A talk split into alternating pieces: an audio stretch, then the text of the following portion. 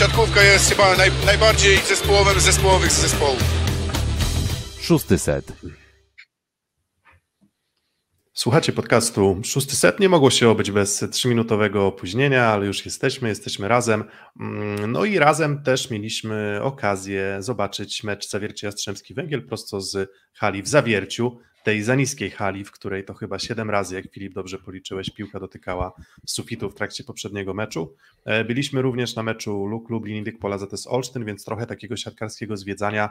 Mm, poprzedni weekend e, było przed nami, mieliśmy okazję zobaczyć tę atmosferę e, i w Zawierciu, zobaczyć atmosferę w Lublinie, zobaczyć te wszystkie kontrowersje i te mm, i kilka też pewnie rzeczy, które, które zaskoczyły nas może za kulisami, no i co? O, o tych wydarzeniach, ale też i nie tylko o tym, no bo przecież e, wczoraj e, Liga Mistrzów, a zwycięstwo Jastrzębskiego Węgla, ale i porażki po bardzo ciekawym meczu Aluronu CMC Warty Zawiercie, no i taka już mniej ciekawa porażka grupy Azoty Zaksy Kędzierzyn-Koźle w Karlowarsku. No i o tym, no i o wydarzeniach plusligowych. No Zaksa wygrała, ale po tej breaku dopiero. E, tak, tak, przepraszam. E, Zaksa strata punktu, strata punktu grupy Azoty Zaksy e, Kędzierzyn-Koźle. No i o tym opowiem ja ze studia w Warszawie, Piotr Złoch. Ze studia w Rzeszowie Filip Korfanty, cześć. I ze studia w Warszawie Kuba Lewandowski, cześć. A, no to co, no to chyba rozpoczniemy chronologicznie, e, a mianowicie chronologicznie licząc od tych wydarzeń najbliższych e, dzisiejszemu odcinkowi, a czyli mówimy o tych właśnie meczu Aluron CMC Warty Zawiercie z z Halkbankiem Ankara. No, wszyscy wiedzieliśmy, że będzie to mecz no, prawdopodobnie wyrównany. Wiedzieli to bookmacherzy, wiedzieli to eksperci, pewnie wiedzieli to też e, sami zawodnicy. Dwie drużyny o względnie wyrównanym potencjale, a na pewno o tym wyrównanym potencjale, biorąc pod uwagę to, że mecz odbywał się w Ankarze. E, no i to nie jest łatwa hala do, nie jest to hala łatwa do gry. 3 e, do 2 finalnie wygrywa mm, Halkbank Ankara. No i ten Halkbank Ankara tym zwycięstwem sobie bardzo mocno ułatwił sytuację, jeśli chodzi o wyjście z grupy i bezpośredni awans do, mm, a w zasadzie nawet nie tyle o wyjście z grupy, co bezpośredni awans do ćwierćfinału. Pozostaje im tylko wygrać w ostatniej kolejce z e, Hebarem Pażardzik. A można byłoby ten mecz, znaczy inaczej, bardzo trudno byłoby ten mecz sprowadzić do jakichś tam, nie wiem, prostych wycinków, bo mam wrażenie, że jeżeli mecz trwa blisko 3 godziny, jeżeli mecz trwa 5 setów bardzo intensywnych, to trudno jest wskazać kluczowe wydarzenia tego meczu, ale może wy macie coś w głowie, co, co utkwiło wam bardzo mocno i mogło na przykład zadecydować, albo jakieś elementy gry, które przeważyły szale na, na rzecz Halkbanku.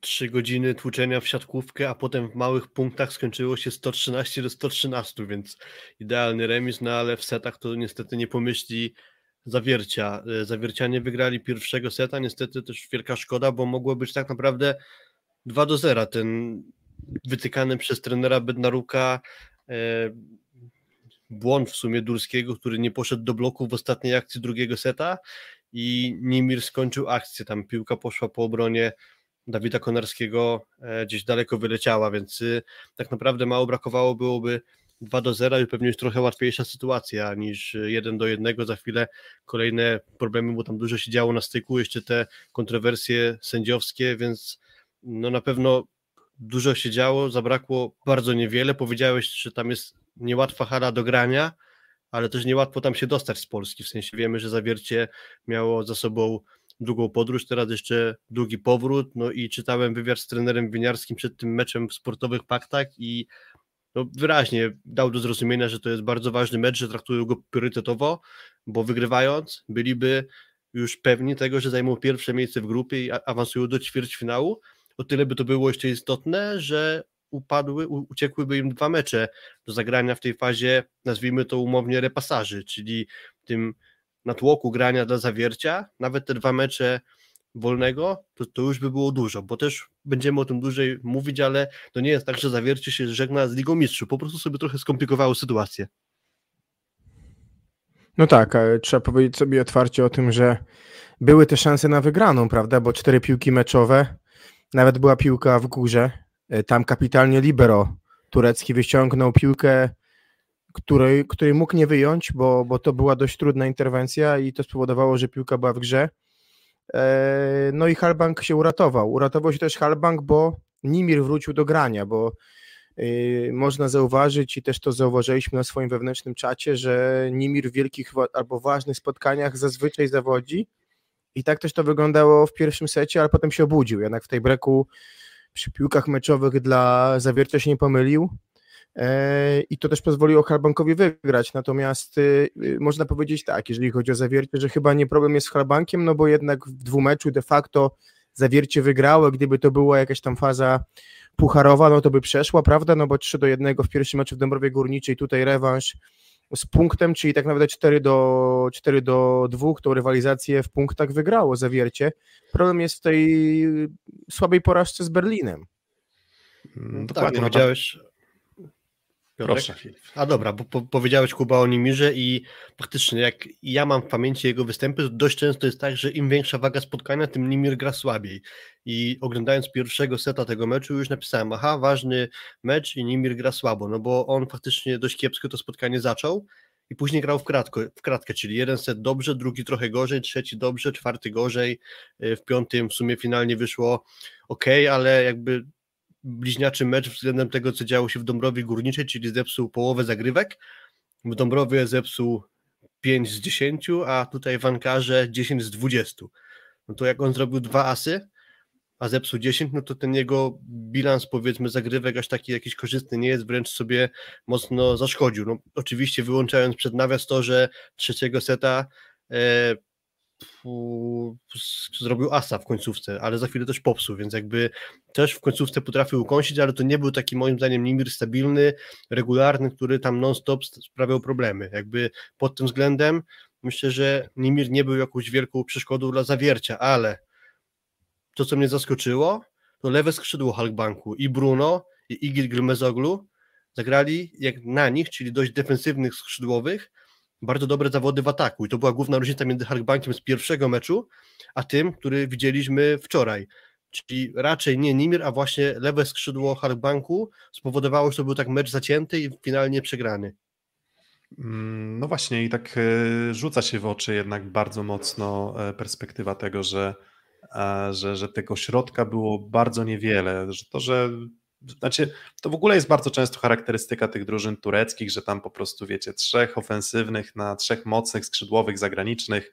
A, no i uzupełniamy to dwoma środkowymi z Turcji, więc można by powiedzieć, że troszeczkę w podobnym stylu budowany zespół pewnie właśnie i zawiercia i um, i, i Halkbanku Ankara w tym przypadku, więc w zasadzie bardzo, bardzo dużo pustych przebiegów w sumie i, i i, i- i szalachy tych piłek bardzo, bardzo niewiele, nie znaczy to, że na przykład szalacha nie był skuteczny, no bo moim zdaniem z wyjątkiem zagrywki, to Kuba pewnie ty się bardzo cieszysz z tego powodu, bo sam zresztą też tak przypominasz, że stawiałeś Michała jako człowieka, który może, może zrobić postęp albo wrócić na jakieś prawidłowe tory w tym sezonie. Mm, No to, no ale, ale mimo wszystko nawet ten skuteczny Szalacha to był Szalacha jednak będący uzupełnieniem ofensywy drużyny, a tak to było no ranie tym uroszem. No ja się zaśmiałem na Twitterze, że dużo tego Miguela Tawurosza jest a, nagrane i, i to czasem działa, czasem nie działa. I, I mam takie poczucie, że możemy się nad tym pocić, możemy się nad tym zastanawiać wielokrotnie, ale, ale, ale widzieliśmy w meczu z Jastrzębskim Węglem, że te, że te schematy można było troszeczkę zmienić, troszeczkę odwrócić, ale potrzebna była do tego kontuzja Urosza, a No tutaj właśnie, się okazuje, tu Zobacz, na przestrzeni że pięciu dni. Ja zapytam Ciebie właśnie, na przestrzeni pięciu dni widziałeś e, w dwóch meczach bardzo długich e, zawiercie, dwóch pięciosetowych. No i trochę inaczej wyglądały te cztery, te trzy sety bez, bez Urosza niż te siedem z Uroszem. I których e, setów jesteś większym fanem? Znaczy, wiesz, ja myślę, że to, to nie jest kwestia tego, których ja jestem fanem, tylko to jest kwestia tych, które były wygrane, które były, e, które były przegrywane. E, Ale, ale no osobiście uważam, że jakimś tam elementem na pewnym etapie blokującym zawiercie może być, może być ta naddystrybucja do, do Urosza. Ja nie chcę mówić, że to nie wystarczy, nie wiem, na, na awans do półfinału, na właśnie wyjście z grupy Ligi Mistrzów, czy dotarcie do ćwierćfinału po, e, po barażu, e, ale no to, to oczywiście, że ja w sensie oczywiście, że idealne, ja uwielbiam takie raporty meczowe, gdzie tam na końcu patrzysz 10 Smith, 10 Faszycki, 20 Śliwka, 20 Kaczmarek i 20, a nie wiem, Żaliński, czy tam Bednosz, o którym powiemy pewnie, bo, bo już na stronie CEF oficjalnej się pojawił w składzie. I, i oczywiście, że wolałbym taki, taki układ. Trenerzy myślą, myślę w kategoriach tylko i wyłącznie zwycięstwa. Mieliśmy wielokrotnie dyskusję na temat dystrybucji na przykład Fabiana Drzyzgi. No to ten sam Fabian Drzyzga, który w Paryżu zamęczał Leona i Kurka był zły, a w momencie, gdy grał z USA w półfinale w 2018 i zamęczał Kubiaka i Kurka, to już był fantastyczny mecz wtedy Fabiana Drzyzgi.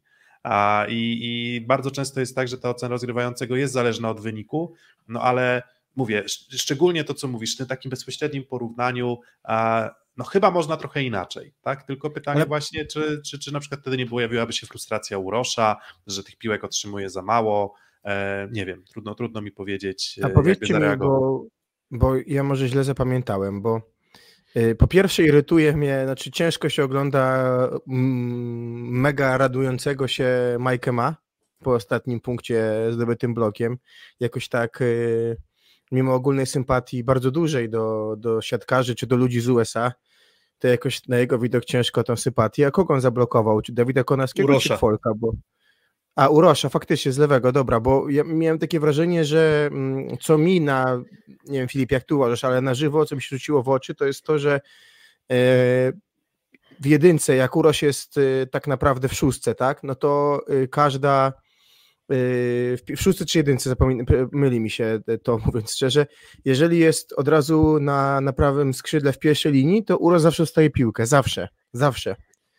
A spodobało mi się, że z Jastrzębiem, oczywiście jak Bartek Folek był w tej strefie, to nie dostał żadnej piłki, ale że tam piłki dostawał Dawid Konarski sobie z nich radził i trochę mi na przykład w tych meczach, gdzie gra Urosz, brakuje tego zagrania na lewe do Dawida na przykład. Czasami, a nie tylko zawsze do Urosza, bo Urosz i Kwolek w Zaksie to są tacy zawodnicy, którzy zawsze dostają piłkę na prawe skrzydło w pierwszej linii, oczywiście tego są leworęczni, no ale to jest pewne jak słońce, mówiąc szczerze.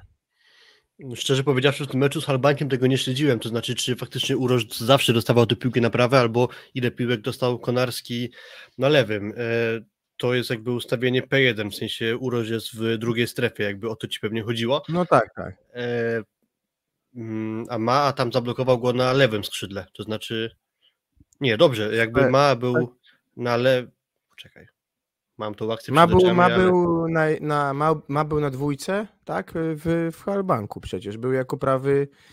Yy, Dobra, i Uroś był na lewym skrzydle, więc jakby mhm. to nie jest to ustawienie, ale mnie o to w każdym razie tak, jakby ma zablokował Kowacewicza w ostatniej akcji meczu i wtedy było po nim taką wielką radość, że jakby jakieś emocje z niego zeszły. Nie wiem, ja mam często tak, że gra Urosza jest tak irytująca dla przeciwnika, że każdy blok na nim, ale zwłaszcza piłka meczowa po takim meczu, daje ci podwójną radość, taką jakby tak, taką, takie spełnienie, nie wiem, jakaś zemsta, czy coś takiego, że w końcu się udało i to jeszcze taki kluczowy, ważący punkt tego meczu był.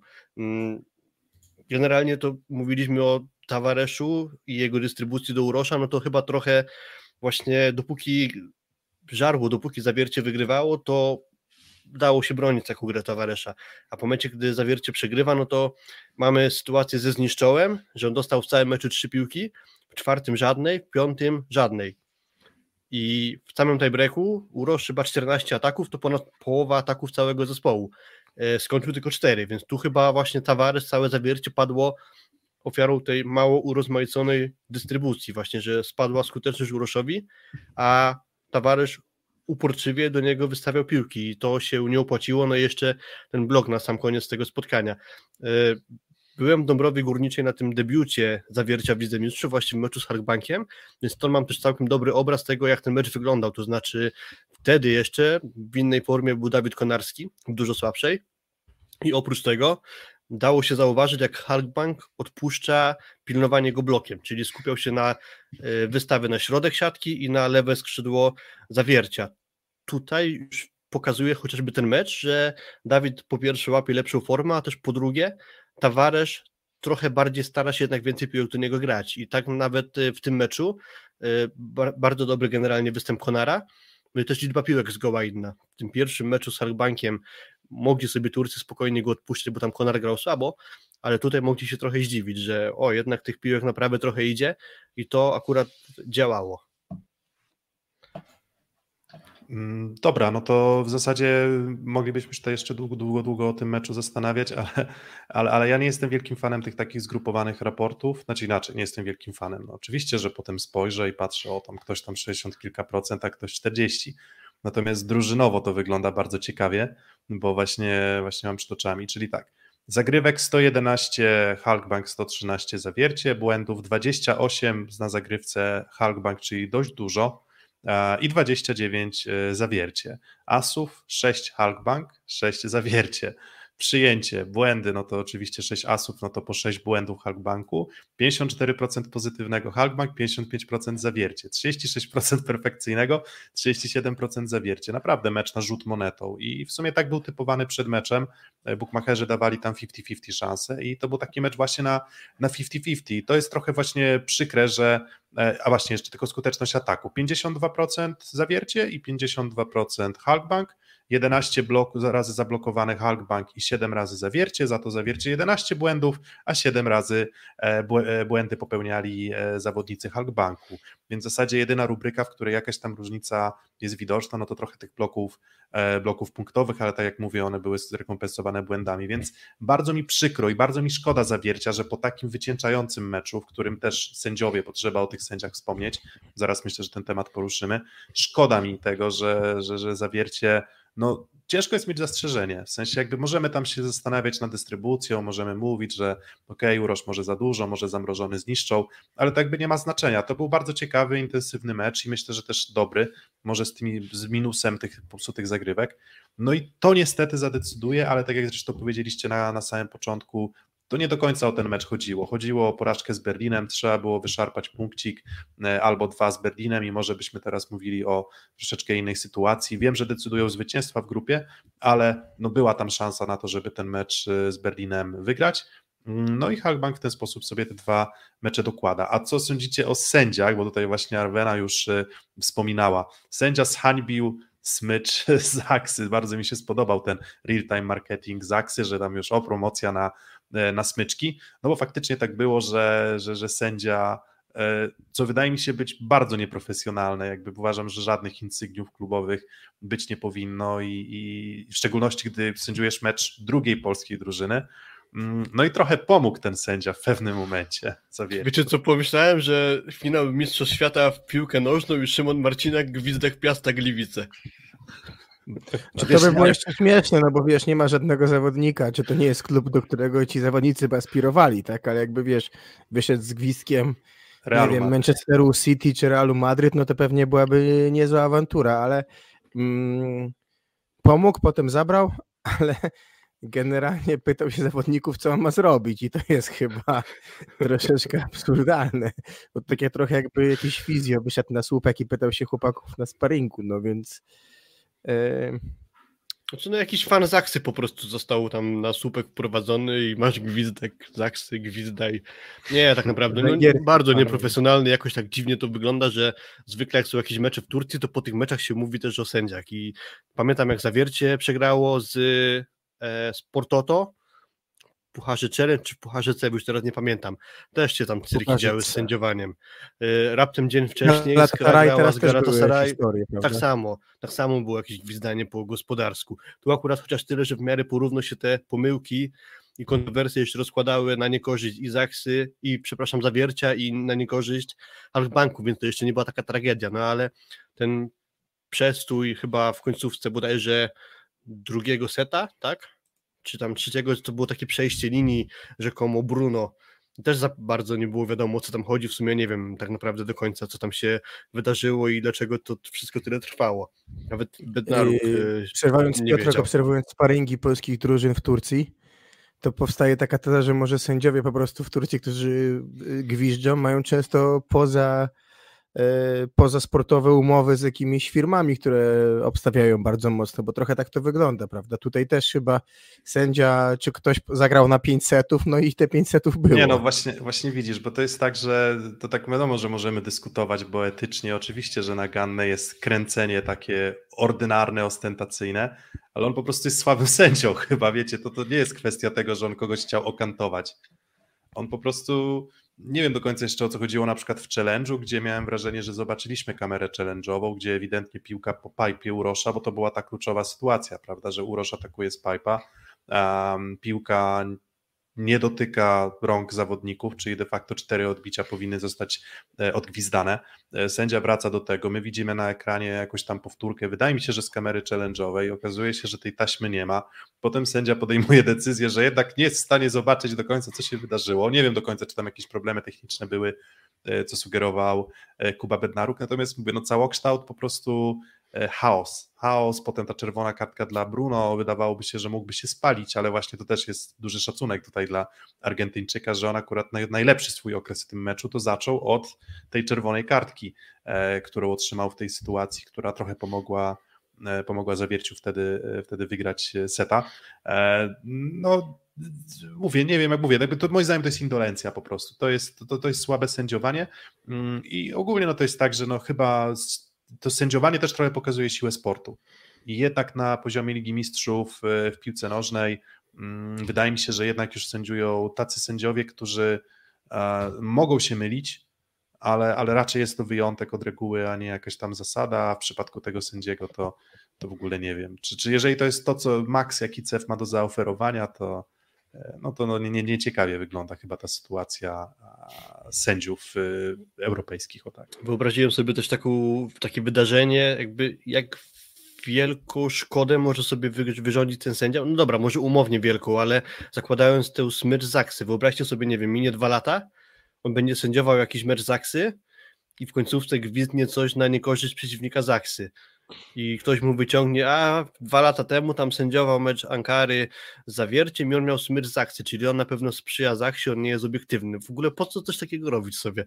Nie wiem, nie rozumiem tego. Myślę, że wiesz, my zupełnie inaczej postrzegamy, czy profesjonalizm sędziów, gdzie przychodzisz dużo wcześniej na halę, a tu może po prostu dość późno doleciał, nie miał na co założyć gwizdka, zobaczył taką smycz, nie wiem, z ostatniej podróży, nie wiem, ciekawy zawodnik, no, ciekawa postać.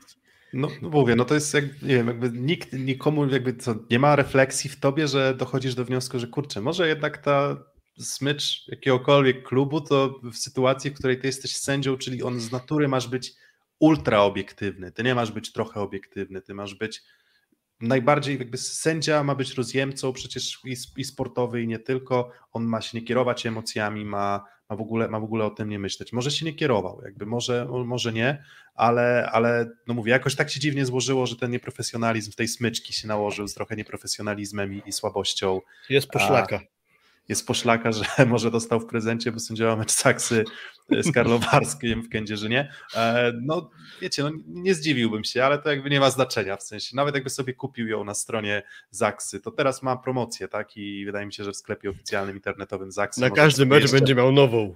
Dokładnie i no i cóż, no i może, może przynajmniej nie w Lidze Mistrzów będzie sędziował, a, a ciutkę niżej, natomiast to mówię, czy, czy to wypaczyło wynik meczu, no na dystansie ten tiebreak wydawał się być chyba racjonalny, zabrakło zawierciu, zawiercie miało piłki w górze chyba na, na, na skończenie meczu. I tak, tak jak, jak mówiłem, tak, fantastyczna, fantastyczna obrona libero wtedy, czy fantastyczna, no bardzo dobra obrona z dograniem takim, które dało jakiś tam komfort e, rozgrywającemu. A dobra, to chyba co? Chyba tyle o tym meczu, no i przechodzimy do wygranej, ale wydaje się, że no jednak z tym stylem było gorzej trochę, jeżeli chodzi o Zaksę niż, niż w przypadku meczu Zawiercia. No ale oddzielimy to jinglem.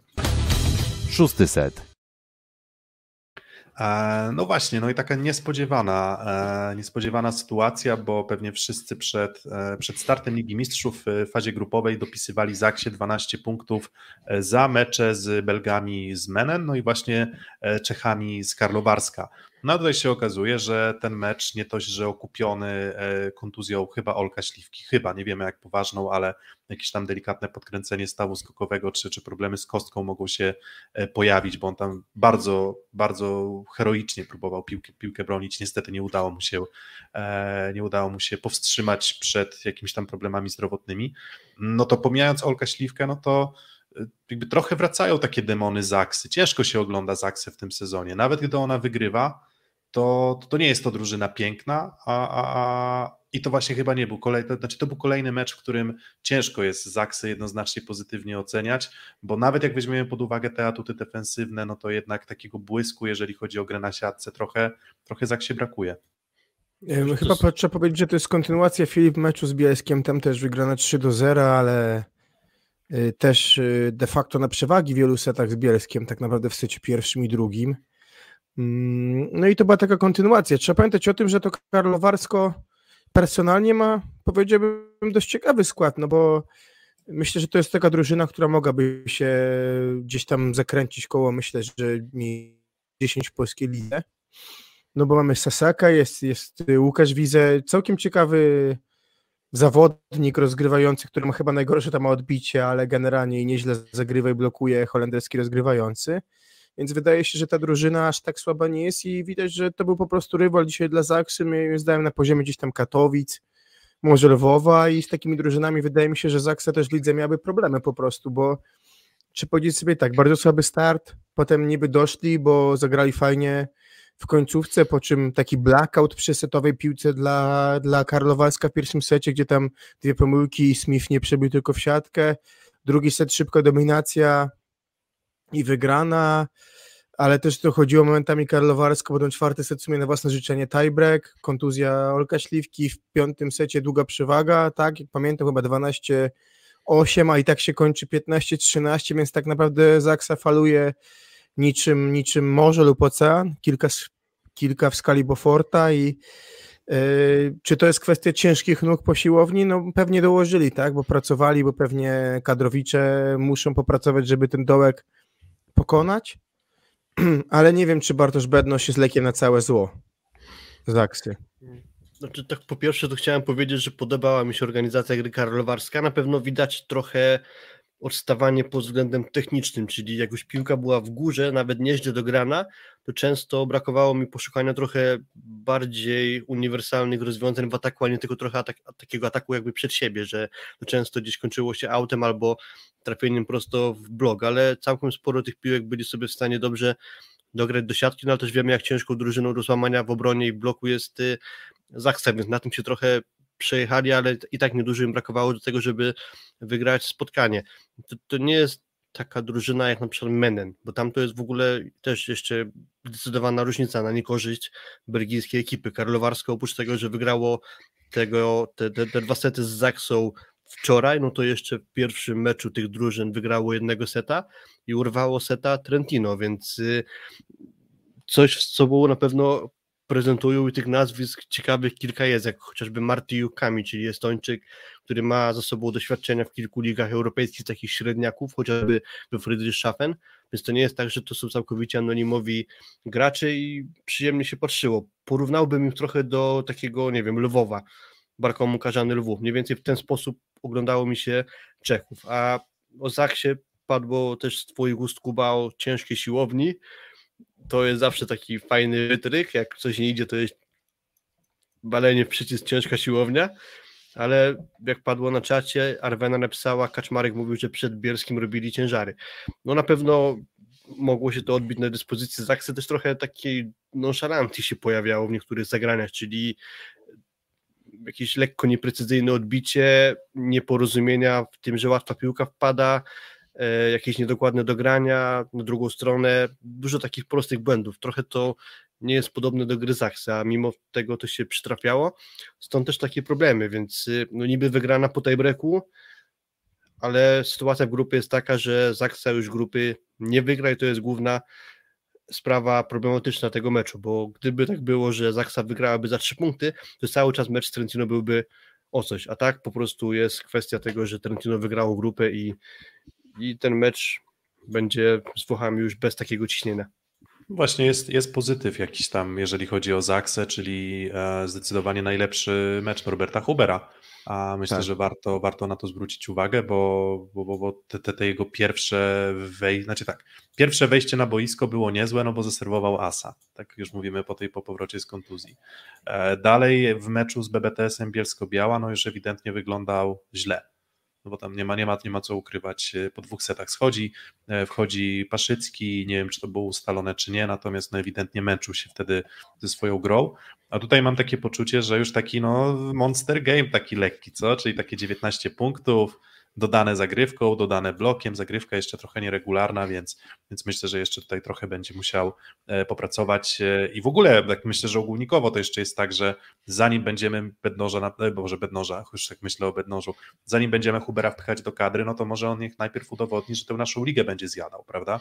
No bo w tym momencie, no to Kochanowski i Bieniek są dużo dalej pewnie niż on, więc najpierw niech wróci do, do, do właśnie tego powtarzalnego grania w Plus Lidze, no i jakimś tam pierwszym krokiem jest na pewno to, że to, że dobrze wyglądał właśnie w tym meczu z, z Karlowarskim. Co do samego Karlowarska jeszcze miałem taką myśl, że to takie mini Friedrichshafen Heinena, tak trochę właśnie, czyli też defensywka, powtarzalność raczej, jakby nabijanie piłki o blok, ponawianie, więc dużo, dużo sprytu i dużo, dużo takiego myślenia i nie było, jakby ciężko jest Zaksę złamać e, w taki sposób, żeby Zaksa nie zdobywała tych bloków punktowych iluś tam, więc jakimś tam rozwiązaniem jest to, że po prostu próbujesz, aż będziesz miał komfortową sytuację na bloku, mm, na bloku pojedynczym. No i faktycznie, faktycznie Karlowarsko mi, mi tym imponowało. Mm, no oni wiadomo, że już nie, nie zagrają dalej w Mistrzów, e, bo, bo wydaje mi się, że już nie ma takiej możliwości matematycznej, żeby nawet wygrywając z, z Menen jeszcze wyszli. Wydaje mi się, że nie, po prostu nie ma, nie ma już takiej opcji raczej.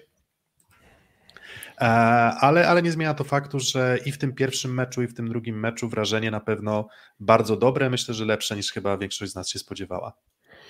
Znaczy Karlowarsko ma cztery punkty i tylko jedną wygraną, więc tam nawet nie ma szans, żeby oni załapali się jako jakaś drużyna z trzecich miejsc. E, także Karlowarsko się z Ligą Mistrzów żegna, ale w tym sezonie mamy spadki do Pucharu CEP, więc jest jakaś tam szansa, nie wiem dokładnie jak to wygląda, ale prawdopodobnie będą kontynuować granie w Europie, ale w Pucharze CEP już.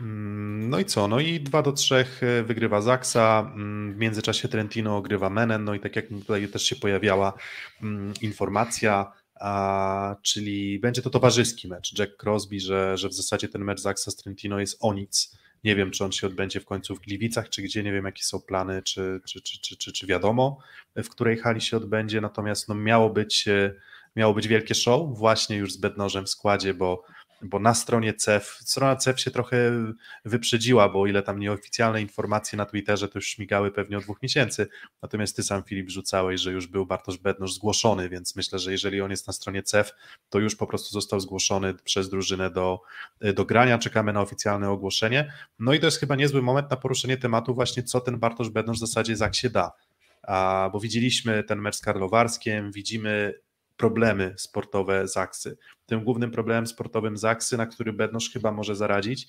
jest skuteczność ataku drużyny, bo w tym momencie mm, nie można jednoznacznie źle oceniać na przykład tego, jak dużo Żaliński czy Staszewski dają swojej drużynie w ataku, bo jak tam policzyliśmy, to będzie tam 48% skuteczności, 32% efektywności mają zgrupowani Staszewski i Żaliński. Natomiast no właśnie, e, co ten Bednosz może dać Zaksie i na które problemy może być remedium?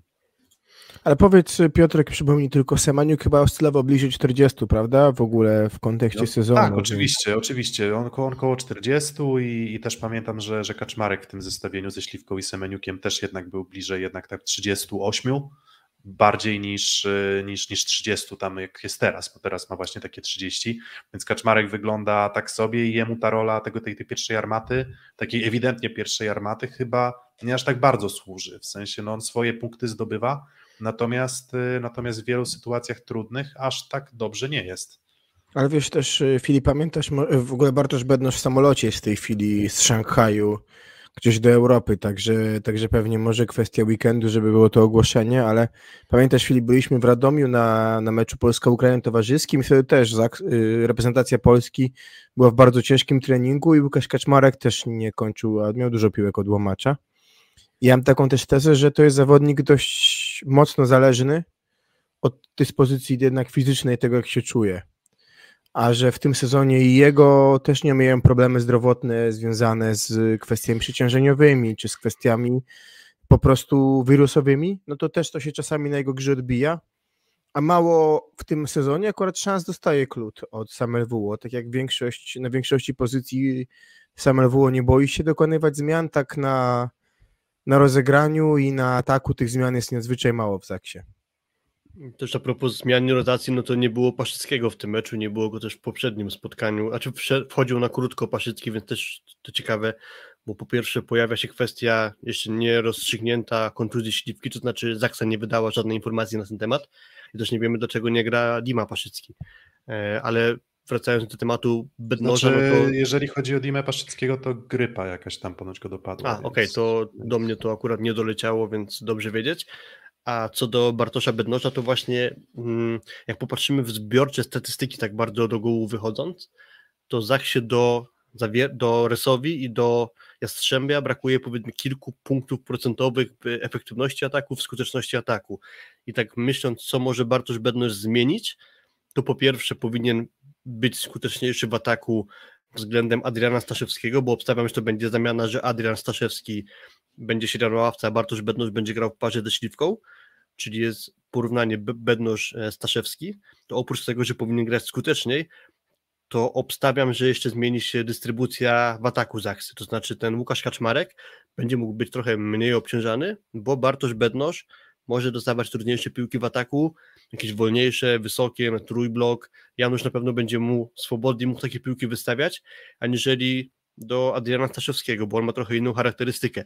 Jakby jest bardzo pożytecznym graczem, należy go chwalić, bo dużo daje, ale na pewno Bartosz Bedność jest tym gościem, który no, w ataku będzie grał, powinien grać lepiej, przynajmniej względem tego, co kiedyś potrafił prezentować, bo mm, to, że on może zachce wspomóc, to jest pewne, tylko też kwestia tego, w jakiej on będzie dyspozycji, no bo e, w lidze chińskiej w statystykach, bo ja meczów Ligi Chińskiej szczerze mówiąc nie oglądałem, ale w statystykach to żadnej rewelacji nie robił, ale jak sobie przypomni dyspozycję chociażby z drugiego sezonu z Modeny, gdzie grał fantastycznie, znakomicie, to to będzie duże wzmocnienie. I po pierwsze atak, a druga sprawa jeszcze, która wynika z tych ogólnych statystyk drużyn, to Zaksa jest obok Kuprum Lubin najgorszą drużyną plus ligi pod względem asów serwisowych uzyskiwanych. No i myślę, że Bartosz Bedner ze swoją zagrywką będzie mógł tutaj też sporo dołożyć, nie tylko trudnej zagrywki, ale po prostu punktowania, bo jak przyjrzymy się statystykom, to Adrian Staszewski, mimo że ta jego zagrywka optycznie robi na mnie pozytywne wrażenie, no to ja się zdziwiłem, bo dzisiaj sprawdziłem, Adrian ma bodajże trzy asy serwisowe. Cała trójka, Żaliński, Kariagin i Staszewski mają w sumie w sezonie bodajże 11 asów serwisowych. To bardzo znikoma ilość. Myślę, że Bedność tutaj będzie w stanie dużo dodać. Też oczywiście z marginesem tego, że będzie pewnie więcej psuł. Mm, no tak, tylko właśnie jest tak, że, że akurat y, z zagrywką no to jest to element wybitnie indywidualny, więc jeżeli mierzymy się tymi asami, no to stajesz za linią 9 metra, jeszcze przy okazji masz pięciu kolegów, więc jakaś tam poprawa może nastąpić, natomiast też, e, też nie wydaje mi się, żeby akurat ta regularność, powtarzalność zagrywki była największym atutem Bednorza. Siła uderzenia, owszem, ale, ale, ale wydaje mi się, że, że z tą powtarzalnością um, nie musi być za, aż tak do końca dobrze. Um, mnie ciekawi tutaj też na przykład, nie wiem, kwestia elementu przyjęcia, bo mm, obiegowa opinia, gdy Bednosz opuszczał Polską Ligę, była taka, że to jego przyjęcie jest jednak dość słabe. Potem wydaje mi się, że w lidze włoskiej w mm, barwach e, Modeny wydaje mi się, że już wyglądało to dużo lepiej, jeżeli chodzi o Bednoża. W ogóle to był jego najlepszy sezon jak do tej pory i taki sezon, na którym wydaje mi się, że on troszeczkę troszeczkę buduje tę swoją karierę, tak? Czyli zagrał. Ten drugi sezon we Włoszech, o tym mówię. Tak, dokładnie. Zagrał kapitalny wtedy sezon, naprawdę na, tam na efektywności jakiejś niebotycznej.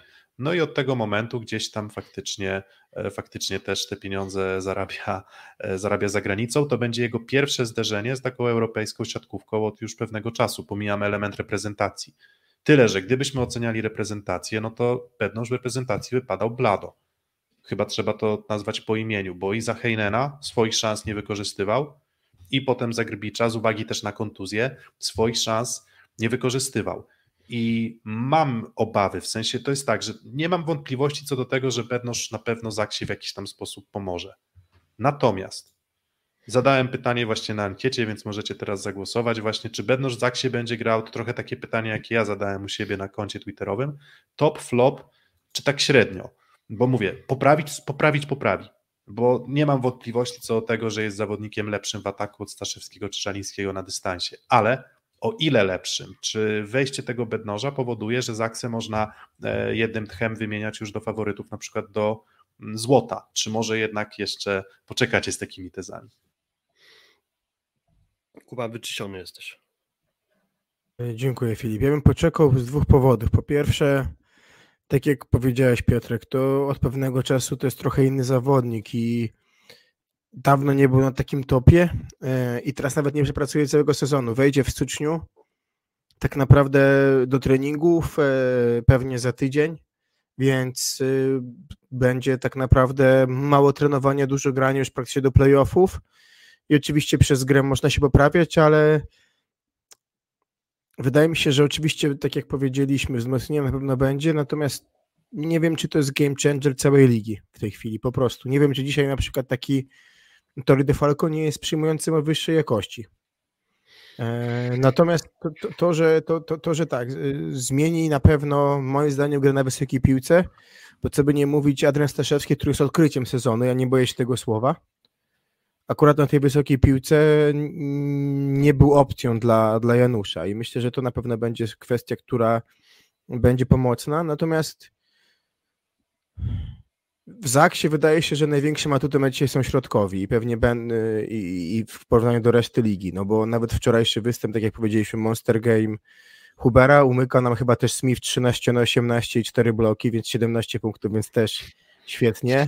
Jest Paszycki, także wydaje mi się, że to jest ich największy atut teraz i mm, skrzydła na dzisiaj są pewnie i słabsze od tych w Rzeszowie i słabsze od tych Wiesz, Kuba, ja widziałem, ja widziałem tego, tych widziałem tego Smitha, ale nie chciałem go poruszać. Czekałem, aż dorzucisz od siebie. Nie, bo, bo szuka, szukam takiego gdzieś tam punktu zaczep... inaczej, nie zaczepienia, ale tego, że mm, może będzie tak właśnie, bo może Semeniuk naprawdę też powodował, że łatwiej się grało innym skrzydłowym, a może nie, a na pewno.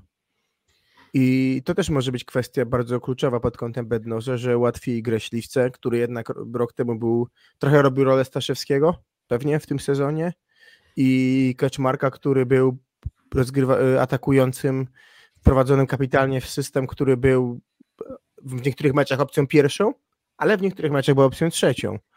I, I może to będzie ten taki efekt najmniej widoczny z perspektywy statystyka, najbardziej widoczny.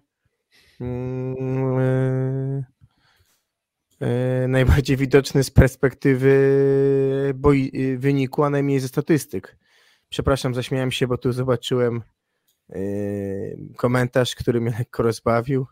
Insiderski może i, ale, Nie, no ale, akurat, ale akurat Jack, Jack czytamy to na czacie, ale, ale nie będziemy tego tematu poruszać, bo po prostu nie wiemy. No, musielibyśmy to zobaczyć na własne oczy, więc, więc pozwolisz, tak. Że, że temat pominiemy. No fakty są takie, że, że nie jest to jakiś wybitny sezon Łukasza Kaczmarka. Myślę też, że, że, że ten sezon też do tej pory pokazuje, że Olek Śliwka tak nie do końca sobie radzi jednak z rolą takiego, wiecie, drugiego lidera nawet, czy tam powiedzmy współlidera.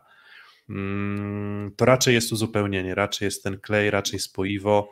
Nie jest to taka brutalna siła na skrzydle, jakiej czasem potrzebujesz właśnie, żeby, e, żeby czyścić sytuacje trudne, albo na przykład radzić sobie z, z dużym obciążeniem, więc, mm, więc no wydaje się, że jakimś tam naturalnym remedium na to wszystko jest bedność. Czy poprawi przyjęcie? Nie mam pełnego przekonania, a na pewno nie mam pełnego przekonania w takim zestawieniu ze Staszewskim. Wydaje mi się, że pewnie, no nie wiem, może porównywalnie, e, porównywalnie przyjmują. Natomiast, no, mówię, możemy się zastanawiać bardzo długo nad tym. Wszystko wskazuje na to, że to może być jakaś pomoc dla, e, dla Zaksy, tylko że ja boję się, e, boję się przeskoku z Chin. Jakby to są Tak. takie rzeczy, które e, wydaje mi się, że to jest chyba moja największa obawa w tym momencie, e, czyli właśnie e, jesteś przyzwyczajony do tak, niższy blok, zawodnicy o niższej klasie sportowej zdecydowanie, no przecież jesteś otoczony poza tymi kilkoma rozgrywającymi, to, to jesteś otoczony tak naprawdę zawodnikami mm, o dużo, dużo niższej klasie, którzy przecież na rynku światowym nie znaczą praktycznie nic, poza tymi wyjątkami stranieri, a, czyli to jest w zasadzie trochę taka hobby siatkówka w tych Chinach i, i na tle tej hobby siatkówki nie wyglądało to jakoś rewelacyjnie, o czym Filip już wspominałeś i myślę, że te, we, te wejście może być bardzo trudne, w sensie spodziewam trochę się, że... może Lanza vibes, bo on też się rozgrzewał wolno, Filip, y, Pippo Lanza, prawda? Początek też nie był imponujący, te lepsze momenty Filippo miał po kilku kolejkach, gdzie się do tego jednak grania w Polsce przyzwyczaił. Mm, No ja chciałem podać inny przykład, bo jak dobrze kojarzę, to Matej Kazijski wracał do Trentino w trakcie sezonu po sezonie w lidze japońskiej z kolei, czyli ligi, które można mniej więcej porównywać pewnie i chińską i japońską i to No są wydaje mi się- podobne. Ale wydaje mi się, że jednak lepszą ligą jest japońska. Wydaje mi się, że Lepiej. poziom Japończyków jest wyższy. Okej, ale w każdym razie jest to jakby liga z innej półki niż włoska czy polska i jak właśnie kojarzę ten powrót Mateja, on chyba gdzieś w marcu mniej więcej dołączył do Trentino, to ten początek miał dość ciężki, czyli on od razu na swoim takim poziomie e, nie grywał. Natomiast tutaj w przypadku Bednoża ja sam nie jestem przekonany, czy to będzie zawodnik, który odmieni Zaksy i nagle powinniśmy traktować Kędzierzynię jako głównego faworyta do złota, bo pewnie w Kędzierzynie chcieliby zobaczyć Bednoża, który był w drugim sezonie w Modenie, ale już w Zenicie Kazań aż tak nie błyszczał. To nie tak, że źle, źle grał, ale już nie robił tego, co robił w Modenie. Teraz trafił mu się jeszcze sezon w lidze chińskiej właśnie na trochę niższym poziomie rozgrywkowym, więc to też pozostawia pewną niewiadomą. Natomiast o tyle ma miękkie lądowanie, że mamy 12 stycznia granie na poważnie, bo już nawet ten mecz z Trentino tak się odpadł jako mecz na poważnie, bo już grupy nie wygrają. Granie na poważnie zaczniesz tak naprawdę w playoffach, więc jeszcze jest sporo czasu na to, żeby ten Bednosz się z powrotem z poziomem polskiej ligi mm, obył i też wpasował się w jakiś, w jakiś system gry Zachsy, więc pod tym względem myślę, że jest bardzo duże prawdopodobieństwo, że jednak jeszcze y, Zachsa będzie miała z niego pożytek raczej z takiej istoty, jak była w Modenie, aniżeli trochę później, czyli jakby na trochę Zobaczcie, niższej... jeszcze takie pytanie klasie. do Was. Jakimi rozgrywającymi wyglądał najlepiej? Z Majką? W No, z Christensenem w Modenie i, i, i, i w Kazaniu też w drugim sezonie, tym, y, tym poprzednim, który już y, od, od marca nie oglądaliśmy na antenach i No i, i z łomaczem w skrze wyglądał też to bardzo był dobrze. łomacz, tak? Ten w tym sezonie. Tak. Łomacz, A, no to- łomacz, no to- łomacz, łomacz z Januszem na ławce swoją drogą. A, no, no to może to też być jakiś, chociaż na kadrze ta współpraca nie wyglądała jakoś fenomenalnie. I, I właśnie jeszcze w kontekście, myślę, że to jest po prostu troszeczkę innych środków, innych narzędzi jednak musisz używać w sytuacji, w której będziesz grał w polskiej lidze. Bednosz jest dla mnie zawodnikiem jednak trochę siłowym, nie jest dla mnie technikiem. To nie jest zawodnik jak, nie wiem, Semeniuk w stylu ponowię i uderzę jeszcze raz, nabiję o blok. On raczej lubi dominować gdzieś tą swoją siłą fizyczną. Jeżeli faktycznie jest tak, że w Chinach na przykład atakował często przez zawodników dużo niższych, skaczących dużo słabiej o niższych parametrach fizycznych, no to nagle się może okazać, że na treningach plus lidze, e, na, na, na treningach plus lidze mm, wyjdzie na to, że czy w trakcie spotkań, że kurczę, no jednak nawet te drużyny z dołu tabeli, no to jednak będzie ten poziom wyższy, na przykład środkowych, niż to, co do tej pory e, Bartosz Bednosz e, miał przed sobą, ale mówię, powinno być lepiej, ale jeszcze mówię, ja gdybym miał teraz oceniać, to nie będzie wybitnie, będzie, będzie ok, ale nie będzie, nie będzie wspaniale, natomiast myślę, że tutaj też w kontekście tego tutaj lub wszyscy mówią, że na przykład Arwena, że brakuje organizacji gry, ciągłe roszady, ciągłe kontuzje, e, braki treningu, e, braki treningowe, to będzie problem i to dalej będzie problem Zaksy, jeżeli chodzi na przykład o trening, bo wiemy już, że zagrają dwa mecze barażowe dodatkowo, Wiemy, że prawdopodobnie przez te baraże przejdą, więc potem jeszcze będą szykowały się ćwierćfinały Liga Mistrzów. I tak jak większość polskiej ligi będzie sobie odpoczywała w środę, tak jednak Zaksa będzie dymała Europa, środa, sobota, środa, sobota, środa, sobota. I tego czasu po prostu na pracę z Bednożem będzie mniej, na wdrożenie go w system gry, po prostu będzie mniej czasu na, na treningach. Jak to wszystko poukłada sam LWO, nie wiem, ale myślę, że dla sam LWO to jest też moment na to, żeby mm, no ten sezon jednak trochę podratować, czyli on dostaje bednoża i wydaje mi się, że już nie masz wymówek i już nie możesz nie awansować do półfinału i moim zdaniem już powoli zaczyna się zadawać pytanie, jeżeli bednoż będzie się spisywał, czy możesz nie zdobyć medalu z takim składem, bo, bo, bo, bo myślę, że to jest zasadne pytanie na tle e, konkurencji, konkurentów w. Mhm. Jack Crosby jeszcze pyta, jak w Chinach prezentował się Bartek. Tak jak powiedzieliśmy, statystycznie średnio. Jego drużyna przegrała finał z drużyną Jeszki i Maxa Holta, chociażby i Hernandeza, a Bednosz miał w zespole Juan Torrenę, e, więc jakby wicemistrzem Chin Bartosz Bednosz aktualnie jest. E, A właśnie, to jeszcze pytanie do Was, bo w kontekście tego, co w ogóle sądzicie o takich transferach? Czyli kończy się Liga Chińska i teraz nagle powoli rozjeżdżają się panowie po całej Europie i domykają e, składy e, z Iratu, tak? Bo tam Juan Torrena, e, składy Zaksy, składy, nie wiem co tam jeszcze dalej. tak, tam jeszcze jest, do Halkbanku. E, Wydaje mi się, że w Milanie jest e, Josfany Hernandez, Josfany e, ten Hernandez. mistrz Chin do Monzy. do Monzy, przepraszam, tam gdzie Grozer i, i Schwarz w tym momencie, tak? Więc, Przy czym on więc- raczej na przyjęciu będzie grał, ale to jakby mniejsza z tym, nie, nie, nie, nie zbaczajmy z tematu może. Dokładnie. I, i, co, I właśnie, i co sądzicie w ogóle, i to też ciekawe pytanie do czatu, co sądzicie właśnie o, o takiej sytuacji, bo powiem szczerze, że mam jednak mieszane uczucia i no, z jednej strony jest tak, że okej, no nie jesteś związany z kontraktem, to możesz podpisać, tak? Jakby wydaje mi się, że, że, że nie masz tutaj dwóch kontraktów w jednym, w jednym momencie, ale z drugiej strony, tak jak nie do końca podobają mi się te wszystkie manewry w stylu Muzaj trafia do Niko na ostatnie mecze playoffów w stylu, bo tam, bo tam jest medical. No to jeszcze tego medicala jakoś jestem w stanie zrozumieć, ale też uważam, że to już jest podważanie idei sportu. I tak samo tutaj, no czy to nie jest jakiś precedens, że Bednosz będzie sobie trafiał na przykład do Zaksy po e, odbębnieniu tam, nie wiem, kilku miesięcy w Chinach. Jeżeli to się uda, to, to to będzie trochę taka naturalna myśl ze strony, nie wiem, nawet dyrektorów. Kurczę, no to w zasadzie po co mam płacić za cały sezon?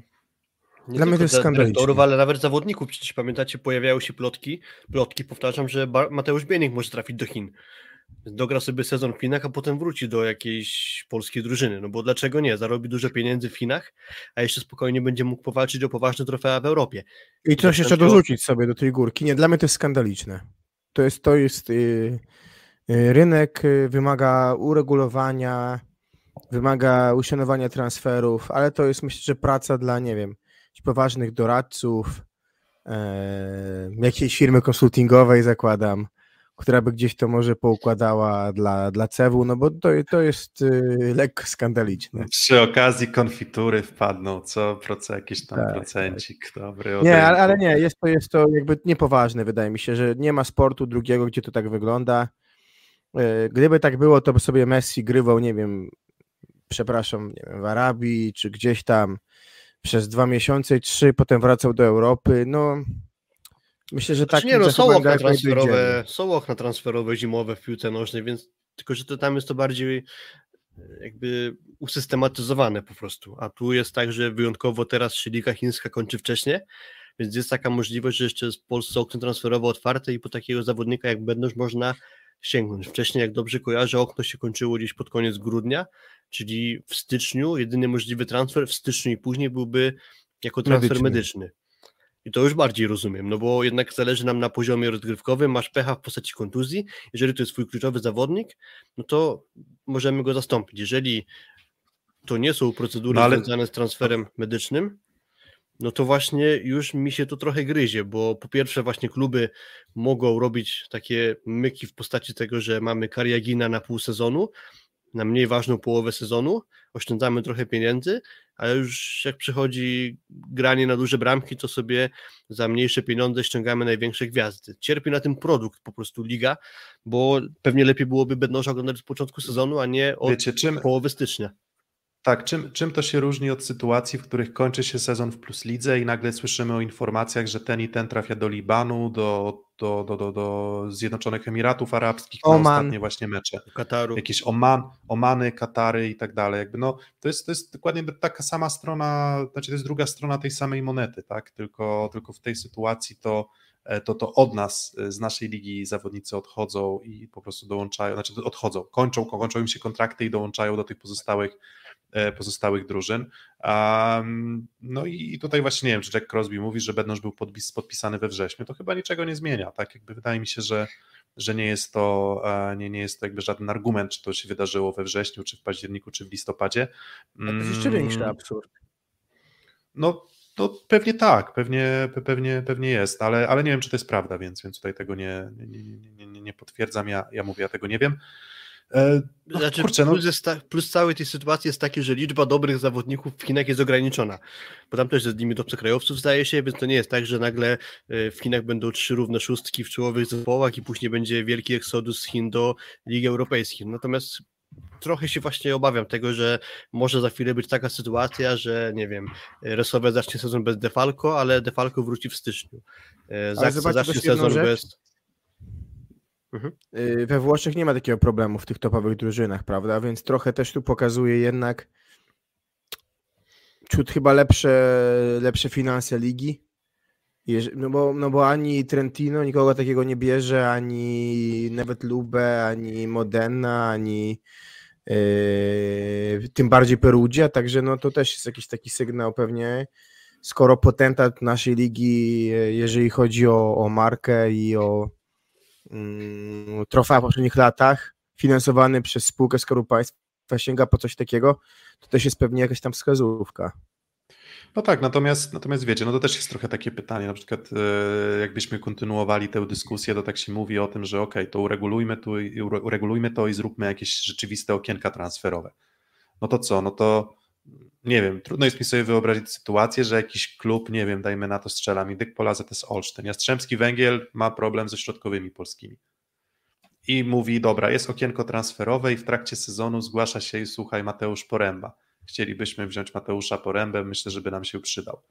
No to tak mówimy o tym, o tym rynku transferowym, a, a, a ogólnie jakby składy i szerokość składów w siatkówce jest dość słaba, bym powiedział. Ale tak Piotr, jakby zapłaci, wpisz klauzulę mu 2 miliony, jak zapłacą 2 miliony, no to no, no okej, okay, no, to, to, to, no może... To, masz tak, okay, no dobra. No to... następny, nie? Dobra, no to wtedy, no to okej, okay, to wtedy faktycznie, no to można by powiedzieć, okej, okay, tak, argumentujesz, no okej, okay, ale, ale mimo wszystko jednak siatkówka ma to do siebie, że to wyrywanie tych takich integralnych elementów zespołu jest bardzo bardzo mocno wpływałoby na, na, na poziom, e, poziom tych drużyn osłabianych. Natomiast, no okej, okay, wtedy rozmawialibyśmy nie o tym, że przychodzi ci agent i wykupuje kontrakt zawodnika albo próbuje y, zawodnika nastawiać przeciwko klubowi, żeby w jakiś sposób się zbuntował i go rozwiązał, tylko mamy to lepiej uregulowane, może faktycznie to by mm, działało. A, Wiesz, jakby dobra, inaczej no. było odebrane, to jeżeli by przyszedł Halbank po Majkę Ma, zapłacił, nie wiem, 400 tysięcy euro, dla Katowic, który by miało pewnie na dwóch dobrych, trzech zawodników i, i cześć, tak? I... Nie, no jasne, to, to, to nie to, wiesz, z punktu widzenia piłki nożnej kwoty wydawałoby się śmieszne, tam wiesz, jakieś tam tu stówka, tu 200 tysięcy euro, no ale to jest kontrakt y, dla gwiazdy w siatkówce no. i, i coś takiego by już robiło różnicę. E... Bo też tylko dwa zdania, bo rozmawiamy o Bednożu, który przychodzi z Chin, a wewnątrz ligi mamy Baję, który przychodzi do Jastrzębia. To też jest trochę dziwna sytuacja w trakcie sezonu, że Kuprum Lubin jakby w domyśle już wie, że pewnie do playoffów nie wejdą, więc już może im tak nie zależało na zatrzymaniu tego zawodnika, no i Mbaje sobie przychodzi do Jastrzębskiego Węgla. Jakby z perspektywy zawodnika to dla mnie ruch oczywisty, zrozumiały, tak to, że Lubin się na to zgodził, no to już nie do końca jest Ale z tego co pisał menadżer, coś tam było uiszczone, także... Nie, no okej, okay, ale wyobraź sobie, że yy, powiedzmy Barkom Lwów za chwilę będzie miał pewne utrzymanie, jakby matematyczne szanse, no i zaczynają grać juniorami, a pozostałych zawodników sobie wyprzedają. I jak ta liga ma do końca wyglądać? To znaczy, jak te mecze Lwowa mają wyglądać? To jest oczywiście znaczy... hiperbola, przekoloryzowanie celowe, ale, ale też trochę jest problemów na polskim podwórku, nie tylko w transferach z zagranicy. No tak, no ale no to wiesz, no to pytanie jakby z, w sensie wolałbym, okej, okay, no to tak jakby Kuba mnie przekonał, że wolałbym jednak, żeby to wyglądało tak, że prezes podejmuje sobie decyzję. Słuchaj, mam szansę, nie mam szansy. Jakby jest to sprzyjające, nie jest to sprzyjające. Jeżeli oczywiście wiąże się z tym jakaś kasa, bo jeżeli to się rozwiązuje na zasadzie, no to ja po prostu przechodzę do innej drużyny i wy nie. puśćcie mnie za darmo, no to tak, tak bym nie chciał. W sensie jakby musi to się wiązać Nie, ale jeżeli to by było Piotrek jakąś... na przykład dla mnie, wiesz, kilkukrotność kontraktu, mówię taki poręba, jeżeli by za niego, za rozwiązanie teraz miałby dostać 8-2 miliony, to myślę, że też byś to powiedział, ok. Szczególnie w tym sezonie, jak gra Mateusz Poręba. Mm, nie, no dokładnie. I dlatego właśnie mówię, w tym kontekście, no co, mecz Aseko Rysowia Rzeszów Kuprum Lubin, wchodzi Florian Krage, grał wcześniej Paweł Pietraszko większość sezonu, wchodzi Florian Krage, ma głębokość składu tutaj Paweł Rusyk akurat na tej pozycji, więc wydaje mi się, że nie jest to jakiś tam dramatyczny problem akurat w tym przypadku. Może kwestia limitów odrobinę, tak, bo tam wtedy, e, chociaż też nie wiem, czy to nie, jest... Nie, nie ma, jest Kowaliow z Bergerem i reszta Polacy. Tak, dokładnie, więc w zasadzie nie masz...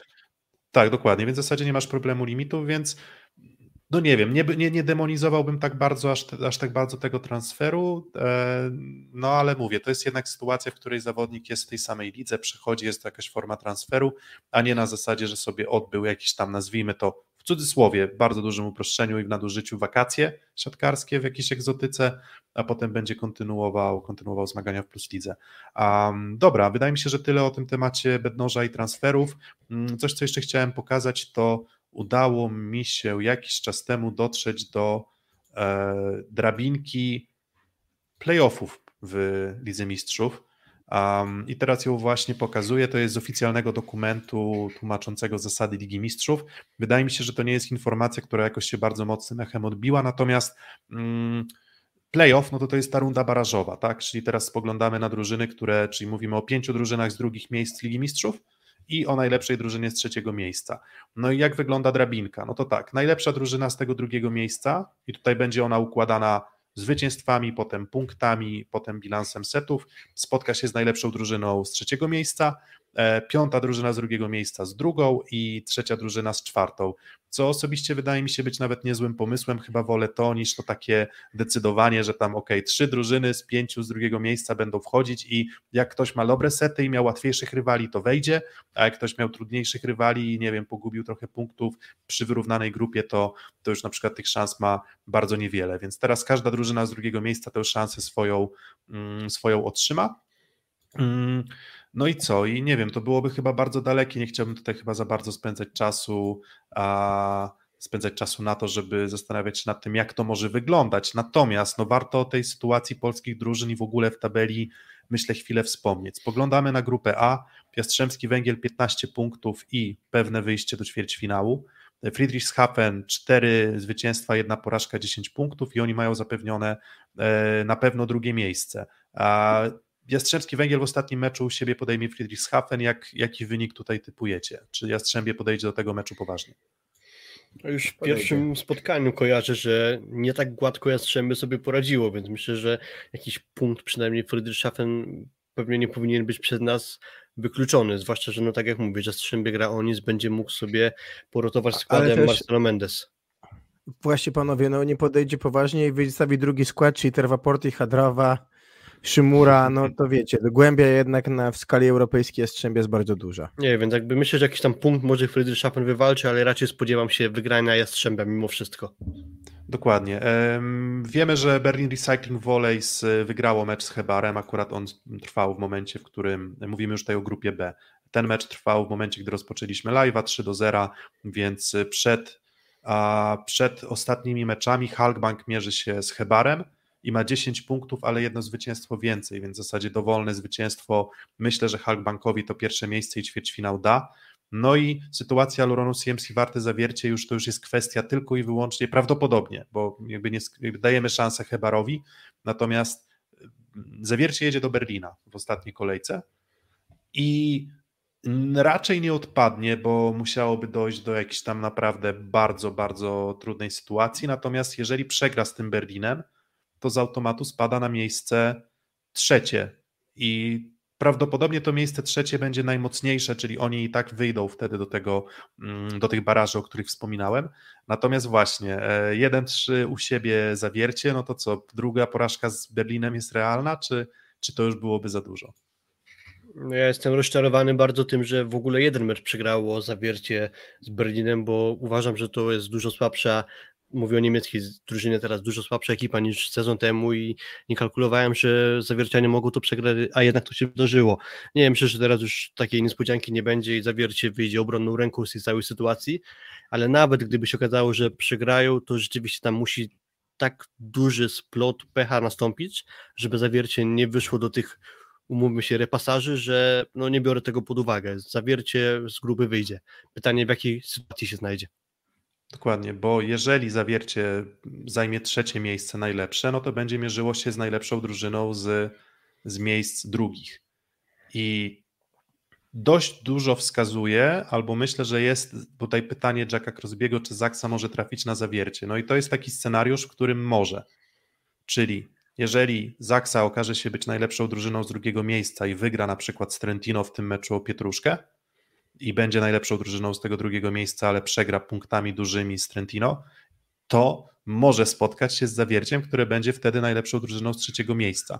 Więc w interesie zawiercia jest to, żeby ten mecz Berlinie wygrać, chociażby i po to, że rywalem będzie VfB Friedrichshafen pewnie, Tour lub Roselare, lub potencjalnie kolejny może w miarę dość trudny rywal, którym byłby, mm, byłby Zirat, Bankashi, właśnie wzmocniony Osmanem Juan Toreną, e, ale, ale no było, było, nie było, no jednak tej, tej Zaksy to ja bym chyba osobiście nie chciał spotkać w, e, w jednej Chcemy mieć trzy zespoły, prawda, w następnej fazie, tak jak Włosi jednak, umówmy się. Dokładnie, więc jeżeli chcemy, jeżeli chcemy to osiągnąć, to, to najlepiej by było, żeby zawiercie po prostu wygrało. Wtedy oni będą zajmować pewnie pierwsze miejsce albo drugie miejsce wśród drużyn z drugich miejsc. I oni spotkają się wtedy z tym rywalem w teorii słabszym. W grupie C Lube grał w ostatnim meczu z Roselare i Lube pod kątem drabinki, bo ta drabinka też już jest rozpisana, czyli czwarty zwycięzca y, grupy pod kątem liczby punktów zwycięstw ogólnego bilansu spotka się z piątym, czyli tak naprawdę najsłabszy zwycięzca oprócz Halkbanku zagra właśnie z Halkbankiem Ankarą w, w ćwierćfinale, a poza tym to jest kwestia drabinki, więc generalnie ta drabinka bardziej sprzyja drużynom, które, które będą wyżej w rankingu. Nie spodziewałbym się, żeby Lube odpuściło mecz z Roselare, co by oznaczało, że Tour zakończy po meczu z Benficą z maksymalnie 10 10 e, punktami. E, w grupie D sytuacja już jest jasna, Trentino pierwsze, Zaksa druga i tutaj nic już się nie zmieni niezależnie od rezultatu w ostatnim meczu. Perugia jest pewna pierwszego miejsca i tutaj też gra o rozstawienie, czyli w tym takim korespondencyjnym pojedynku z Trentino, Jastrzębskim Węglem, a Lube mm, jeszcze będzie, będzie występować, bo nad Halkbankiem będzie na pewno. No i Zirat Bankashi Ankara w ostatnim meczu grał u siebie właśnie z Lublianą i wydaje mi się osobiście wydaje, że ten Zirat chyba jednak będzie faworytem u siebie i spodziewałbym się, że Zirat może być najsłabszą drużyną z drugiego miejsca. Czyli jest trochę tak, że ok, no jeżeli zawiercie zajmie to miejsce dobrze rozstawione w, mm, w, w, wygra z Berlinem, to zawiercie może spotkać się z Tur, z Iratem i raczej nie Friedrichshafen, już tak myślę, więc to raczej takie scenariusze są, e, jakie ja rozpisuję. No pewnie najgorzej byłoby trafić z tego wszystkiego na Zirat, to znaczy tam jest ekipa z Termatem, Atanasowem, Twinstrow i właśnie z Juan Toreną, więc y, to będzie dość ciężki rywal i re, lepiej Bo byłoby liczą punkty, tak? Y, przepraszam, zwycięstwa, tak? Absurdalnie. Tak, tak, tak. tak. Mhm liczba zwycięstw. Znaczy, też inna kwestia z tej układanki jest taka, że Zaksa jest tak jakby na pull position co do wygrania tej mini tabeli drużyn z drugiego miejsca, bo jeśli Kędzierzyn wygra za trzy punkty z Trentino, w tym meczu dla Trentino o nic, no to będzie tak, że Zaksa na pewno będzie najlepszą drużyną z tych e, ekip z drugiego miejsca. Zaksa po prostu musi wygrać, bo wtedy bilansem zwycięstw na pewno będzie, na, na, będzie tą najlepszą drużyną, więc nawet nie musi za trzy wygrywać. Tak, dokładnie, bo Zaksa ma cztery wygrane, więc byłaby piąta wygrana, więc y, tak, to, to prawda. Mm, no i kwestia właśnie później jeszcze tego drugiego miejsca, tego, kto będzie najsłabszy z drugich miejsc. Mi się wydaje, że tą najsłabszą ekipą z drugich miejsc będzie właśnie turecki Zirat Pytanie jeszcze, kto będzie najlepszą z trzecich, bo tu wygląda na to, że to będzie albo Roselare, może to być Berlin, może to być Tours lub Lublana. Czyli jest tego jeszcze sporo całkiem. Mm, no i no oczywiście właśnie, Zawiercie, o czym wspomnieliśmy. No właśnie, i to byłoby ciekawa sytuacja, że Zawiercie wygrywa z Berlinem, Berlin spada na przykład, wygrywa 3 do 2, e, okazuje się, że jest najlepszą drużyną z miejsc e, drugich, i potem w barażu, e, nie, znaczy, że Zawiercie jest najlepszą drużyną A, okay. z miejsc drugich po wygraniu z Berlinem. Berlin jest najlepszą drużyną z miejsc trzecich i spotykają się jeszcze w barażu na kolejne dwa mecze. To tak wiesz. Ale to już, ale to już w sumie i tak byłby to bardziej przyjemny wyjazd niż jeżdżenie do Ankary, przynajmniej z tego, co, co nas wieści donoszą z, z Zawiercia, to te, te wyjazdy do Ankary to nic, nic przyjemnego, czy do Turcji. Um, Dokładnie, więc napisaliśmy na miniaturze zapowiadający odcinek, że problemy w Lidze Mistrzów, no i właśnie problemy takie, że no, Zawiercie nie wygra grupy, e, Zaksa nie wygra grupy i w związku z tym dwa mecze więcej dla polskich zespołów, no i później jeszcze trochę utrudniona drabinka do ćwierćfinału, no i później w samym ćwierćfinale też sytuacja niekoniecznie będzie prosta, suchą stopą przeszedł Jastrzębski Węgiel przez fazę grupową i mając taką grupę po prostu w pełni to wykorzystał i, i będą też rozstawieni, chyba tak można powiedzieć, bo to też jest w sumie ciekawe, że już teraz można przewidzieć drabinkę, większość drabinki, nawet taką ćwierćfinałową i półfinałową. To znaczy, Jak to... można przewidzieć zwycięzcę, można przewidzieć już nawet pewnie rozgrywek. No Perugia. Dokładnie, nie wolno mówić, że Perugia jest faworytem. Nie, jeszcze musi wygrać Wczoraj, wczoraj też przecież y, Monster Game y, y, Hernandeza, tak? Nie, Także... Herrery. Aime, Aime, Przepraszam, Aime, Jesus Herrera, tak. Jesus Herrera. Także no... No dokładnie, no jest, więc jest, myślę, jest że drużyna, Drużyna jest, drużyna jest bardzo, bardzo kompletna. Um, dobra, no to co? No to jeszcze zahaczymy chwilę o Plus Ligę, co? No bo tak jeszcze, jeszcze powiedzmy dojedziemy do tej 20 pewnie opowiadając o wydarzeniach plusligowych. Szósty set. No właśnie, no więc byliśmy w, na meczu Zawiercie Jastrzębski Węgiel, nagraliśmy live'a bezpośrednio po meczu, więc tutaj chyba już nie będziemy tak bardzo mocno powtarzać tych, tych naszych tez. Natomiast takich wydarzeń okołoboiskowych, no to trzeba przyznać, że hala się pięknie podgrzała. Obserwowanie meczu takiego intensywnego to już był taki naprawdę przedsmak playoffów, bardzo, bardzo bardzo, bardzo dobry, a to jeszcze nie była aż taka intensywność pewnie grania, aż takie napięcie i takie nerwy, ale tak czy inaczej mm, bardzo dobrze się to oglądało. I właśnie patrzymy na ten mecz z Wojwodiną i, i też w zasadzie Jastrzębski Węgiel to Wojwodinę zdemolował zupełnie, a, a z kolei trener Mendes pozwolił pograć nawet Maksymilianowi Graniecznemu, więc to nie wiem, czy to jego debiut w barwach w seniorskiej drużynie Jastrzębskiego Węgla, ale na pewno... Nie, na debiut na pewno nie debiut nie, ale na, na dystansie powiedzmy trochę dłuższym, chyba pierwszy raz dostał szansę, e, dostał szansę graniczny.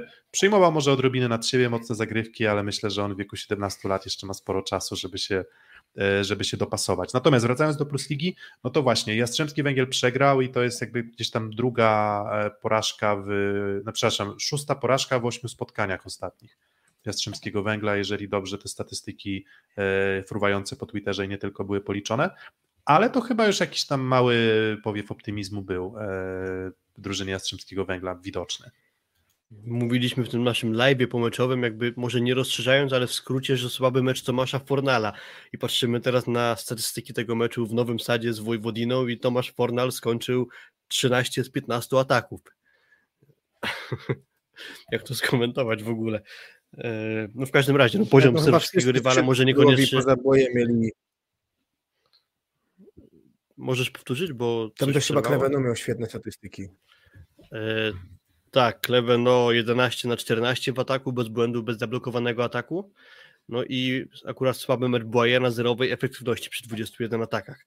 No ale to jakby mówię tylko dlatego o tym, że ten mecz w Nowym Sadzie nie jest dla mnie żadnym wyznacznikiem, to znaczy rywal jest tak słaby, że nie, nie wyciągałbym na jego podstawie daleko idących wniosków, ale już samo to spotkanie w Zawierciu trochę powiewu optymizmu na pewno mogło przysporzyć e, Jastrzębiu, także jest nasz live, w którym szerzej o tym spotkaniu rozmawialiśmy. Chyba jeszcze, jeszcze macie coś Dokładnie. do dodania. E, z, z, małych, z małych dodatków, no to wiemy, że Juri Gładry jeszcze, jeszcze na chwilę uciekł do Włoch, bo on tam po, po tych swoich problemach zdrowotnych z pierwszej części sezonu, jeszcze jakaś tam konsultacja i chyba jakieś tam ostatnie szlify, żeby już był gotowy na, na, na resztę sezonu. No i, no i na pewno widać, że bardzo jest istotny dla Jastrzębskiego Węgla mentalnie.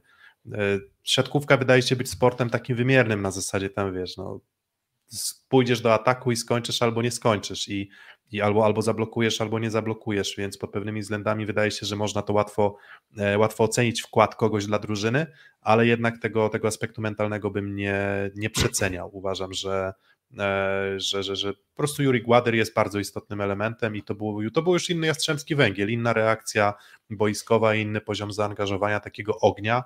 Na pewno był już widoczny w Jastrzębiu, Mm, no a jeżeli mówię, jeżeli Fornal i Kleveno faktycznie ruszą z kopyta, bo Tomek Fornal sam przyznawał, że, że pierwszy raz się mierzył, bo to, to, to ty chyba też Kuba mówiłeś, że pierwszy raz się mierzył z a, problemem zjazdu formy po reprezentacji, no to, no to Jastrzębski Węgiel powinien się odbić, tak? I myślę, że, że, że tak druga część rundy, e, druga część drugiej rundy powinno być już udana w wykonaniu Jastrzębia.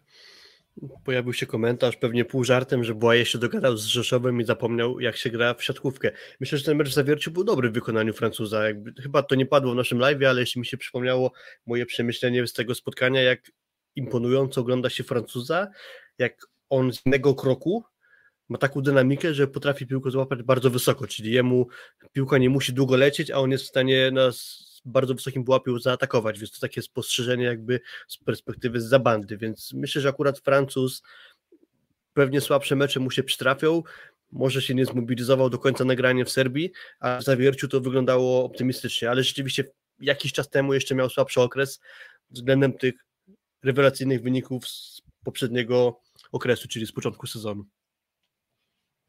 Tak, ta winda budzi wrażenia. Co do mentalu, to wczoraj w ogóle krążyło, nawet napisał to Piotr Dębowski, komentator tamtego spotkania, odnośnie tych repasaży o trzecie miejsce w Berlinie, które nam dały awans do Rio i trochę uratowały naszą siatkówkę od pewnego pewnie marazmu spowodowanego brakiem olimpiady. Pamiętacie ten atak Grozera i tam Zatorski z łomaczem, jaką, do jakiej piłki poszli. Myślę, że w Plus Lidze w meczu ligowym to by tej piłki nie podbili. Więc myślę, że takie też wchodzą elementy, ale pewnie chcieliśmy też powiedzieć o meczu w Lublinie, który nie omawialiśmy na, na live, widzieliśmy go na żywo. Jeżeli mogę do niego przejść, no to pamiętam, że była dyskusja tutaj odnośnie e, środkowych i ja głosowałem, jeżeli chodzi o półmetek sezonu na Avrila na pierwszym miejscu i go, zobaczenie go na żywo jest kapitalne. To, to była poezja. Ja do dzisiaj nie mogę wyjść z wrażenia jego sposobu przemieszczania się, mądrości grania. No to wyglądało na żywo, oglądanie go jako wielka przyjemność i, i, i, i myślę, że wszystkich środkowych y, w tamten weekend, których oglądałem, on zdystansował bardzo mocno. Nawet Jana Nowakowskiego. Dobrze byłoby, żeby jeszcze zagrywką trafiał, powiedzmy, chociaż w siatkę, tak? Bo, bo A jedna nie, taka zagrywka. nie, nie. Sędziego Bo jedna, Gierdo w sędziego Gierżot, ale tam celował w sędziego na numer dwa e, Taylor Avril też, więc to mniej więcej porównywalna skala, skala błędu, więc no poza tą jedną zagrywką faktycznie imponujący, natomiast mówię, nie, nie skupiałbym się tutaj na AZS-ie, bo AZS, to chyba ty Filip powiedziałeś, że chyba wynik tego meczu to lepszy niż nawet gra faktycznie, jak obserwowaliśmy za za band. Y, dużo było takiej intensywnej gry, takiego przeciągania liny. Kto tam odskoczy, tutaj plus jeden punkt Lublin, plus jeden punkt Olsztyn, tutaj takich rozjazdów wynikowych, że tam poza końcówką jednego z setów, gdzie, gdzie już trochę docisnęło, docisnął pedał gazu lub Lublin. Mm, no ale właśnie, no to, to, to, to, to, to na AZS to jest jedna strona, ale właśnie w Luku Lublin e, fantastyczny Nikolas Szerszeń, to, to chyba, chyba to, to było imponujące najbardziej z perspektywy też e, za band E, że, że, że chyba wygląda, jeżeli jest zdrowy, to jest zawodnikiem naprawdę z e, wysokiej klasy. Tak, wraca do swojej dobrej zagrywki, regularnie zagrywki, wraca do takiej twardej gry w ataku, nie boi mu się wystawiać piłek e, Marcin Komenda, więc jakby Nikolas Szerszeń jest dużą siłą tego zespołu i też jakby Szerszeń jest przykładem tego, jak wygląda charakterystyka gry Marcina Komendy, to znaczy mi się wydaje, że założenia są takie, że jak jest piłka na lewe, czyli do Włodarczyka albo Szerszenia, to z założenia w większości sytuacji jest to piłka na walkę z blokiem. A jeżeli piłka idzie na prawe, czyli do Szymona Romacia, to jest to piłka jakby, która jest adresowana z nadzieją, że tam środkowy nie zdąży do tego bloku, żeby ten blok domknąć podwójny. I Szymon Romać regularnie stara się jeśli nie da rady do prostej, to trafiać właśnie obok skrzydłowego bloku, licząc, że tam jest dziura.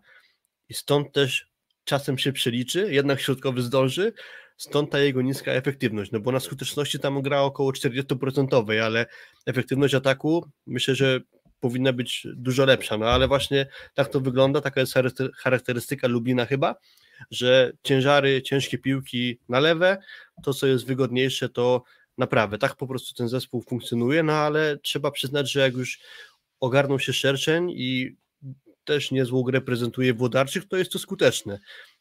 Bardzo często musieli walczyć z równym blokiem właśnie i Szerszeń i Włodarczyk, no i to dobrze działało. Do tego też dochodził skuteczny środek, z którego się nie bał korzystać Marcin Komenda, no i w efekcie Lublin, pomimo tego słabego bardzo startu sezonu, jest już w realnej grze o playoffy. Mm, Kuba, jesteś Kuba wyciszony? E... Jak rozmawialiśmy, prawda, Piotrek, budziła wrażenie gra Lublina w obronie, fenomenalna. Mm, tak, no właśnie do tego chciałem nawiązać, że, że, że wydawało się, że gdzieś tam pełną siłą szedł AZS, a, a mówię, wyglądało to z perspektywy boiska naprawdę jakby tam nie było sześciu zawodników, a pewnie ośmiu albo dziewięciu zawodników Lublina w niektórych momentach przynajmniej, a więc dużo takich imponujących tych obron, imponujących, taki, imponujących bardziej takich systemowych, nie takich obron, że tam ktoś padem się rzuca albo nie wiem, biegnie za linię 10-11 metra i jakimś tam cudem dogrywa jeszcze piłkę, tylko to były bardzo dużo obron było takich, że ok, AZS wyprowadza akcję i dobrze ustawiony blok zasłania konkretną strefę, idzie, wydaje się, że mocny atak na przykład bardzo często podbijali, bo Butryna blokowali, mam wrażenie, częściej. E, natomiast, e, natomiast wydaje mi się, że to właśnie Lipiński był zawodnikiem jednak e, częściej od, Butry, od Butryna podbijanym i mówię, wydawało się, że szedł pełną mocą Lipiński. i, i, był pod, i był podbijany właśnie poprzez zawodników stojących w miejscu tak naprawdę, co też mówię dobrze moim zdaniem znamionuje, że, że, że Lublin, Lublin po prostu jest dobrze poukładany też właśnie w relacji blokobrona.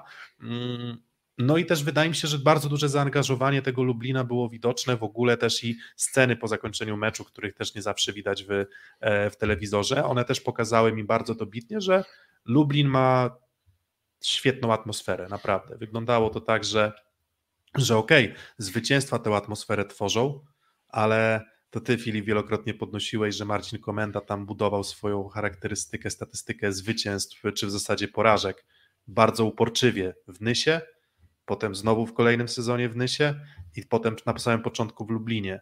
I widać było, że nieprawdopodobną radość, e, e, radość daje mu e, po pierwsze granie w drużynie, która liczy się o zwycięstwa, i samo zwyciężanie i przebywanie właśnie w tym zespole. On jest kapitanem tej drużyny i widać, że się odnajduje w tej roli naprawdę bardzo dobrze. I, tak, i chyba możemy już rzucić tezę, że Marcin Komenda może myśleć o szerokim składzie reprezentacji na, na, na kolejny sezon. Też z uwagi na to, że nie mamy wielu mm, alternatyw. Tak, na początku podkreślę, że uważam, że każdy zawodnik z Lublina zagrał bardzo dobry mecz. MVP dostał Jan Nowakowski, ale ja bym wskazał kogoś z pary albo Marcin Komenda, albo Nikolas Szerszeń. Pewnie do, po połowie dostali ode mnie statuetkę. Ale tak, no na pewno bardzo dobry mecz Marcina Komendy, właśnie, że skutecznie realizował ten swój plan, który wcześniej mniej więcej streściłem, bo tak to moim okiem wyglądało, czyli ta dystrybucja. To się okazywało skuteczne.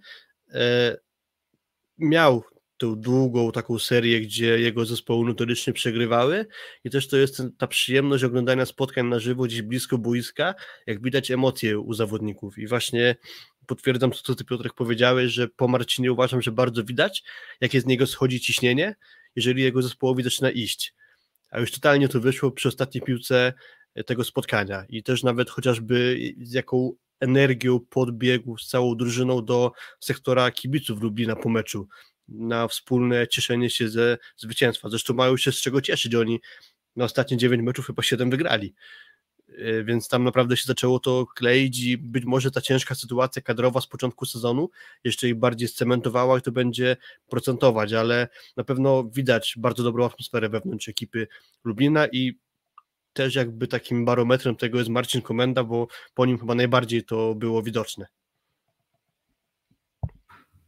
Mm, przechodząc do pewnie już kolejne, kolejnych spotkań, a właśnie jeszcze jeden, jeden temat atmosfery. Byłem pierwszy raz w Lublinie, a pierwszy raz na meczu Luku, to pomijam sam aspekt tego, że 3,5 tysiąca widzów to jest wynik imponujący, nie wiem, czy to mówi, mówi raczej dobrze o Lublinie, bo to nawet w tych takich lepszych czasach siatkówki, te 3,5 to myślę, że to byłby wynik naprawdę dobry, bo nawet często nie było tylu, nie było hal, które potrafiłyby pomieścić więcej kibiców. Sam pamiętam, że Olsztyńska Urania to takie było 2000, może tam 2200 max, 2300. To, to to jest maksymalna liczba widzów, więc te 3,5 hala może nie najbardziej nowoczesna, ale na pewno hala, która w rozwoju drużyny organizacyjnym nie powinna być żadnym problemem, a biorąc pod uwagę, e, biorąc pod uwagę też i kibiców, którzy ponieśli drużynę, nie boję się tego powiedzieć też, że były momenty, w których, e, w których ta eksplozja radości i, i oczywiście drużyna swoje dała, ale, ale myślę, że e, był taki jeden moment bardzo charakterystyczny, 1-0 dla AZS-u, 13-10, piłka, bardzo długa akcja na 14-10, finalnie kończy ją Lublin i to reakcja publiczności, e, zachwyt tak naprawdę i był aż kipiał, więc e, super, super, super naprawdę Luk Lublin, e, atmosferka rewelacyjna i nie jest to atmosfera, za jaką nie przepadam, czyli plastikowa. Tam faktycznie autentyczne, spontaniczne reakcje kibiców i no i bardzo też fajny, fajny doping, taki mm, powiedziałbym troszeczkę nawet agresywniejszy, co, co mi się osobiście bardzo podoba. Wyjdzie, że się czepiamy tego sufitu w zawierciu, ale naliczyłem dzień wcześniej w meczu zawiercia z Jastrzębiem, o czym już wspominaliśmy, 7 sufitów i pamiętam jak siedzieliśmy na meczu właśnie w Lubinie i wiele tych piłek, które tam były podbijane, o czym mówiliście wcześniej, zakończyłyby akcję jakby poprzez odbicie się od sufitu w zawierciu, więc też mm, ta hala no, sprzyjała i w ogóle ta gra sprzyjała takim powiedzmy emocjonującym wydarzeniom, to też na pewno nakręcało mm, kibiców, więc pewnie podobna liczba sufitów byłaby, gdyby ten mecz odbywał się w Zawierciu. No i chyba na sam koniec już e, właśnie trochę typy tam, typy Zaksa, Nysa, ale zanim jeszcze do tego, to tak e, szybkie obejście i spojrzenie w tabelę i taki nasz power ranking. To, to wydaje mi się, że drużyną, która a, najlepiej, chyba tak najstabilniej prezentuje się od kilku kolejek, w porównaniu też do, nie wiem, gdzieś tam początku sezonu, która zrobiła największy progres, jest projekt Warszawa. A, I myślę z Kubą, że się e, niedługo wybierzemy też do areny Ursynów, żeby jakiś tam mecz z perspektywy właśnie trybun, czy, czy, czy z perspektywy trybuny prasowej zobaczyć, e, bo, bo musimy zobaczyć, e, w czym tkwi też tajemnica postępu e, projektu, który, mm, który no, ograł ten ślepstw Malow Suwałki dość pewnie. Kolejne zresztą, kolejną zresztą drużynę ogrywają pewnie. Cały czas widzę jakiś tam znak zapytania, jak będą radzić sobie z tymi drużynami z czołówki, bo ten kalendarz ciutkę im sprzyjał, ale nie zmienia to faktu, że projekt odzyskał radość z gry, i wreszcie ogląda się ich przyjemnie, no i przede wszystkim Artura Szalpuka, bo, bo jest y, naprawdę świetny.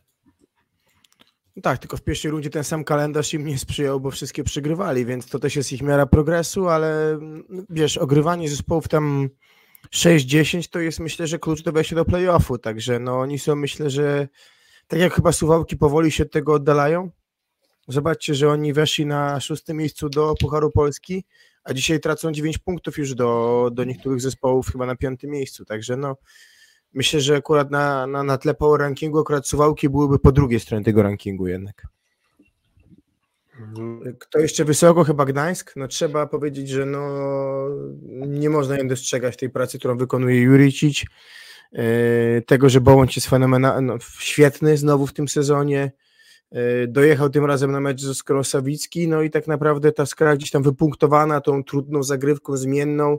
O tym też mówił po meczu Urka Skampa, że to był klucz do, do pokonania Skry i też myślę, że wysoko w power rankingu byśmy postawili na, na Gdańszczan. To, to bez dwóch zdań. Teraz na szybko pewnie o tych meczach powiemy, bo też będziemy musieli zapewne kończyć. Widziałem też prośbę jednego z użytkowników, żeby skończyć przed 20, bo Barcelona gra w Superpucharze, ale jeszcze sobie chwilę pozwolimy. E, Barką Kłaczany Lwów bez problemu ogrywa GKS Katowice. Mm, Wasil Tupci na pewno jest to jeden z zawodników, który być może dostanie oferty z trochę lepszych zespołów na przyszły sezon, bo kolejny świetny mecz Ukraińca, a co w takim razie dzieje się z GKS-em Katowice, który notorycznie zaczął przegrywać spotkania. Tak na szybko się zastanawiałem przed tą transmisją, jak można by to scharakteryzować, no to na pewno widać po Jakubie Jaroszu, że on już nie jest w stanie tak nieść tej drużyny, jak to bywało trochę wcześniej. Y, ostatnie sporo spotkań z rzędu z efektywnością ataku poniżej 30%, raptem chyba niespełna 5 asów serwisowych, więc trochę mały ten wkład, a też kuleje skutecznie z lewego, bo ani Szymański, który wraca po przerwie bez grania, ani Kiroga, ani Tomasz Rousseau y, wyglądają, znaczy nie wyglądają na zawodników w formie. I chyba właśnie w ataku pojawiają się takie problemy, które sprawiają, że GKS już trochę może bardziej gra na miarę oczekiwań przedsezonowych, już tak nie gra na nosie osobom, które typują ich dość nisko, bo wcześniej potrafili mhm. zaskakiwać, a teraz już raczej trochę grają tak, jak y, można by się tego było spodziewać bez wielkiego błysku.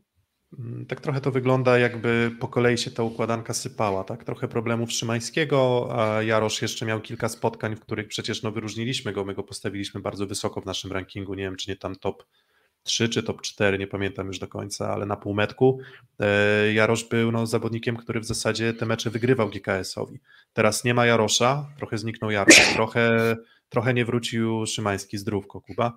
Um, cały czas Szymański po tych, po tych problemach tam z, z siatkówką wokół um, no wygląda bla, on przed tymi problemami wyglądał dość blado i dalej wygląda blado nie jest do końca alternatywą. Damian domagała, wydaje mi się, że brakuje bloku punktowego, brakuje agresji na zagrywce. No trochę sprzeciętniał ten GKS Katowice, żeby nie powiedzieć, że to już nawet nie jest drużyna przeciętna w tym sezonie, to jest drużyna moim zdaniem dość e, na ten moment oczywiście dość słaba i oczywiście oni jeszcze mogą cały czas e, skubać punkty i myślę, że jeszcze się odgruzują, bo to jest drużyna, która od zawsze miała, przynajmniej od zawsze, od kilku sezonów miała taką charakterystykę, że mentalnie nie, nie pękają ale czysto sportowo brakuje mi argumentów na to, żeby, mm, żeby chociażby i zbliżyć się do, do playoffów, nie mówiąc o tym, że w zasadzie już 10 punktów na tym etapie sezonu to myślę, że to już jest wyrok, a z drugiej strony, jeżeli chodzi o przewagę, to 13 punktów na 12 punktów nad BBTS-em też już jest gwarancją tego, że nie spadną, więc kto wie, może więcej szans dla, nie wiem, domagały w obliczu tych słabszych problemów Jarosza, a Dobre Nie wejście Damiana. Moim zdaniem on za późno został wpuszczony na boisko w tym spotkaniu z Lwowem, bo te dwa ostatnie sety zostały przegrane przez Katowice dwoma małymi punktami, a jak wszedł Damian Domagała w końcówce trze trzeciego seta, tak, to chyba tylko jeden błąd, a resztę sk- skończonych ataków, więc generalnie dobre wejście, tylko że trochę zabrakło dystansu na odrabianie punktów. I może gdyby wszedł wcześniej trochę, to jeszcze by ten mecz potrwał trochę dłużej. Mm, Idąc dalej w tym power rankingu, no to właśnie wspominaliśmy o Lwowie, to Lwów tak pewnie średnio, chociaż może z jakimś tam malutkim plusikiem pewnie. Na pewno na plusik Nysa, która, która już się odbudowała i, i, i, skubnęła skrę po drodze 3 do 2 na wyjeździe i w miarę pewnie zapunktowała z czarnymi, chociaż też o, mieliśmy sytuację bardzo rzadko spotykaną, czyli Paweł Wojicki został wyrzucony e, do końca seta poza ławkę trenerską e, jako tam element kary, więc nie pamiętam kiedy ostatni raz coś takiego się wydarzyło. Pamiętam Plamena Konstantinowa kiedyś w barwach Jastrzębskiego Węgla, który został wyrzucony, ale to były czasy sprzed nastu lat, więc e, doszło tam do do scysji. Czarni chyba swoje, albo takie nijakie swoje, więc tam trudno mówić, żeby ten ranking jakoś tam im specjalnie spadał, jeśli chodzi o... Znaczy oni są na czerwono i mają wszystko PEP, tak? Od 15 kolejek. Dokładnie, no, więc, tylko więc... dwa wygrane mecze i co ciekawe dwa wygrane mecze i dwie porażki z BBTS-em, bo przegrać z BBTS-em tutaj też, też jest bardzo Słuchajcie, duża oni, rzadkość. oni wygrali sezonu. jeden z... Panowie, oni wygrali pierwszy mecz w pierwszej kolejce, tak? Także to Z jest Lublinem. po prostu... I wygrali Seria- z Katowicami 3 do 1, czy tam 3 do 0 i Słaba. wtedy chyba wtedy chyba z Katowicami zdaje się Domagała grał na środku, w sensie w Katowicach tak, grał I zobaczcie, zobaczcie jedną rzecz, że dochodzi nam zasada z Ligi Mistrzów, czyli zwycięstwa, nie punkty i nagle jest cieplutko. Tak, a tak, no to, to, to prawda akurat, że, że to byłoby na pewno dużo inne, ale mówię, to jednak te punkty meczowe myślę, że dużo więcej, dużo więcej obiektywniej pokazują jednak siłę, siłę drużyn. Minusik przy Asekoresowi Rzeszów, chyba możemy tak powiedzieć, bo ani ten mecz z Kuprum Lubin przegrany, no to sama przegrana z Kuprum Lubin specjalnej chwały nie przynosi, ale też nie miałem poczucia, żeby to był jakiś fantastyczny mecz Resowi ze Ślepskiem Malow Suwałki.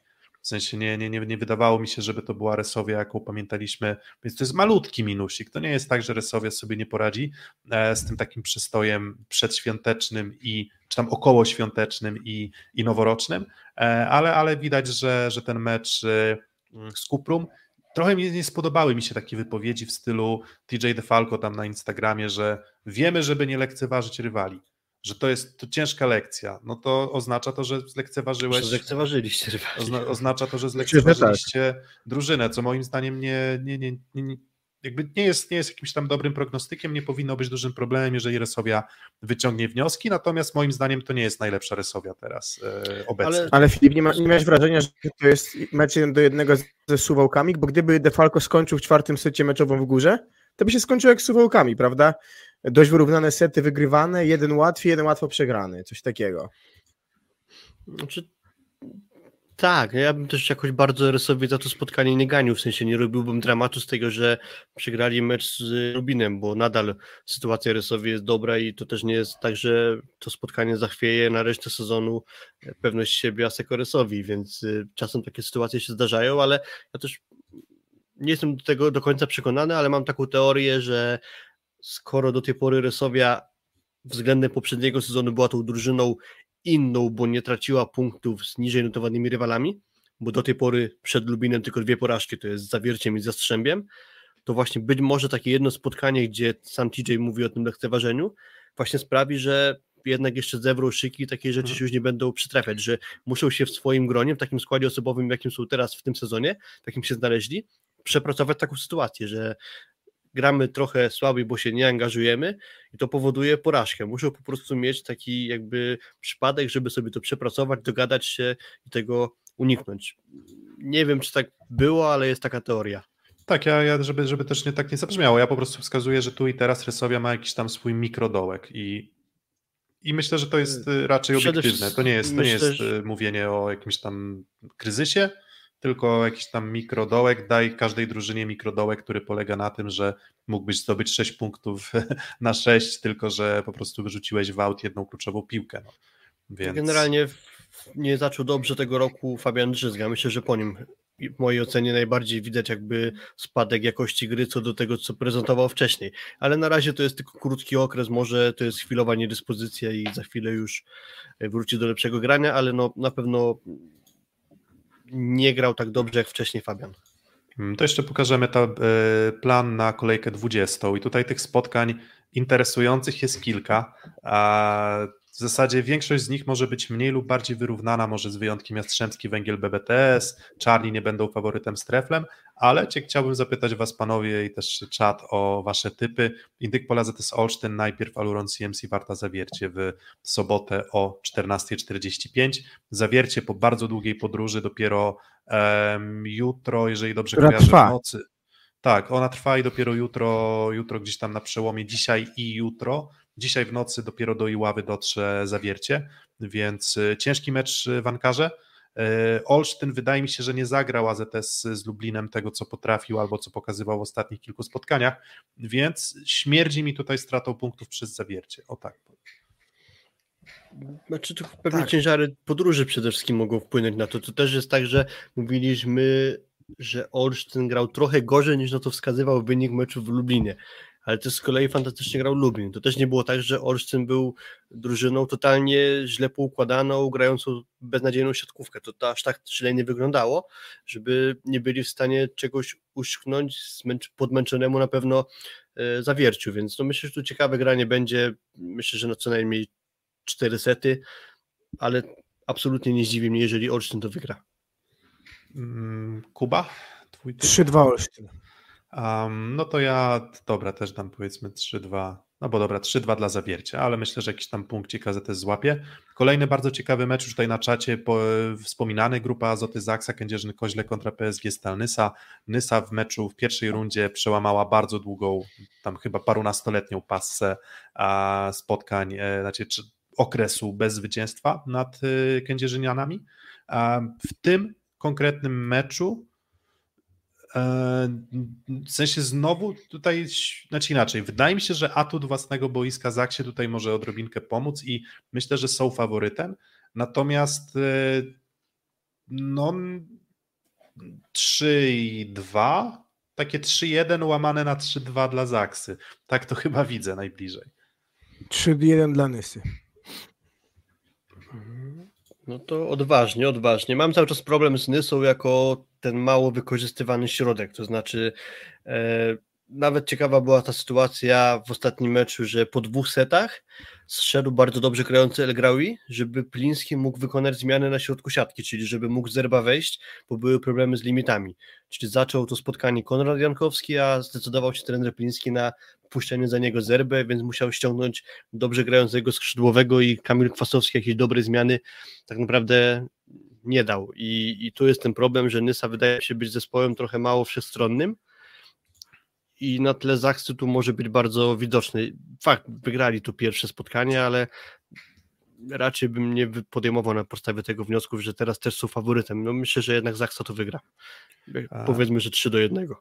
E, No i to jest mecz, który będzie miał miejsce w, dopiero w poniedziałek o 20.30, a po drodze jeszcze ultra super uber hit Grand Derby plus ligi, czyli Aseko Resowia Rzeszów kontra PGS Krabełchatów. A trochę się naśmiewaliśmy z, z tych spotkań e, w poprzednich sezonach, bo one były specyficzne w odbiorze. Tam bardzo dużo było walenia z zagrywki, niewiele w sumie jakości na, na piłce wysokiej, gdzieś sporo błędów, niska efektywność ataku, to taką charakterystykę nam dawały drużyny, ale ten mecz z pierwszej rundy był jednym, pamiętam jak, pamiętam jak dziś, że mówiliśmy wtedy, że to był jeden z jedno z najlepszych spotkań a, rundy prawdopodobnie, tak, poprzedniej, więc... To był.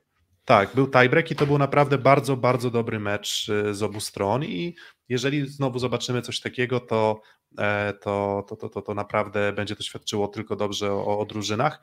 Mm, Tyle tylko, że wydaje mi się, że na tamtym etapie sezonu PGS Kra była ciut wyżej, ona była gdzieś tam jeszcze trochę pompowana Znaczy to było I- chyba zaraz przed startem tej serii z porażek niespodziewanych z Kry. Jakby to Tak, był tak, powiedzmy tak. jeszcze ostatni na sensownym poziomie sportowym mecz z Kry przed tym dołkiem formy, który zakończył się mniej więcej w okresie wyjazdu do Francji, autokarowego wyjazdu do Francji, o którym tam y, pół żartem mówiliśmy, że pewnie pomógł Skrze wyjść z dołka.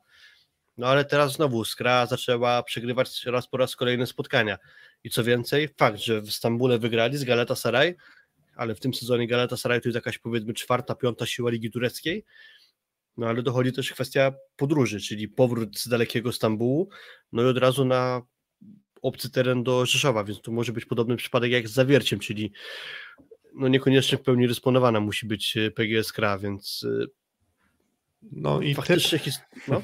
Aha, okej, typ? dobra, myślałem, że jeszcze masz Nie, jakieś myślę, że- e, wątki, ale Nie, nie roz- no, nie 3-1 dla rozwijałbym. Resowi.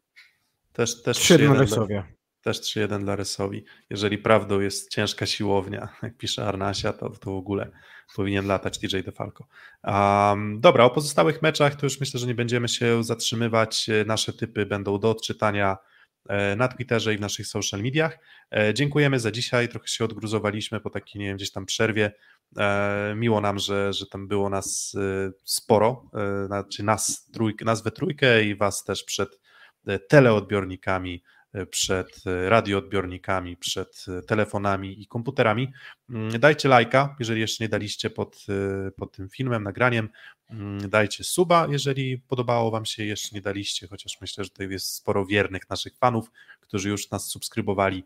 A, no i oczywiście możecie nas e, wesprzeć e, finansowo, więc każda złotóweczka a pomoże nam na przykład właśnie pojawiać się na, na, na spotkaniach w innych halach, żeby też oglądać siatkówkę z innej perspektywy, no i tworzyć dla Was e, te materiały, które tworzymy, więc bardzo dziękujemy.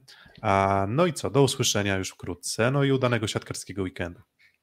Dzięki, do usłyszenia. Dzięki, cześć. Dzięki, Cześć. trzymajcie się, pa!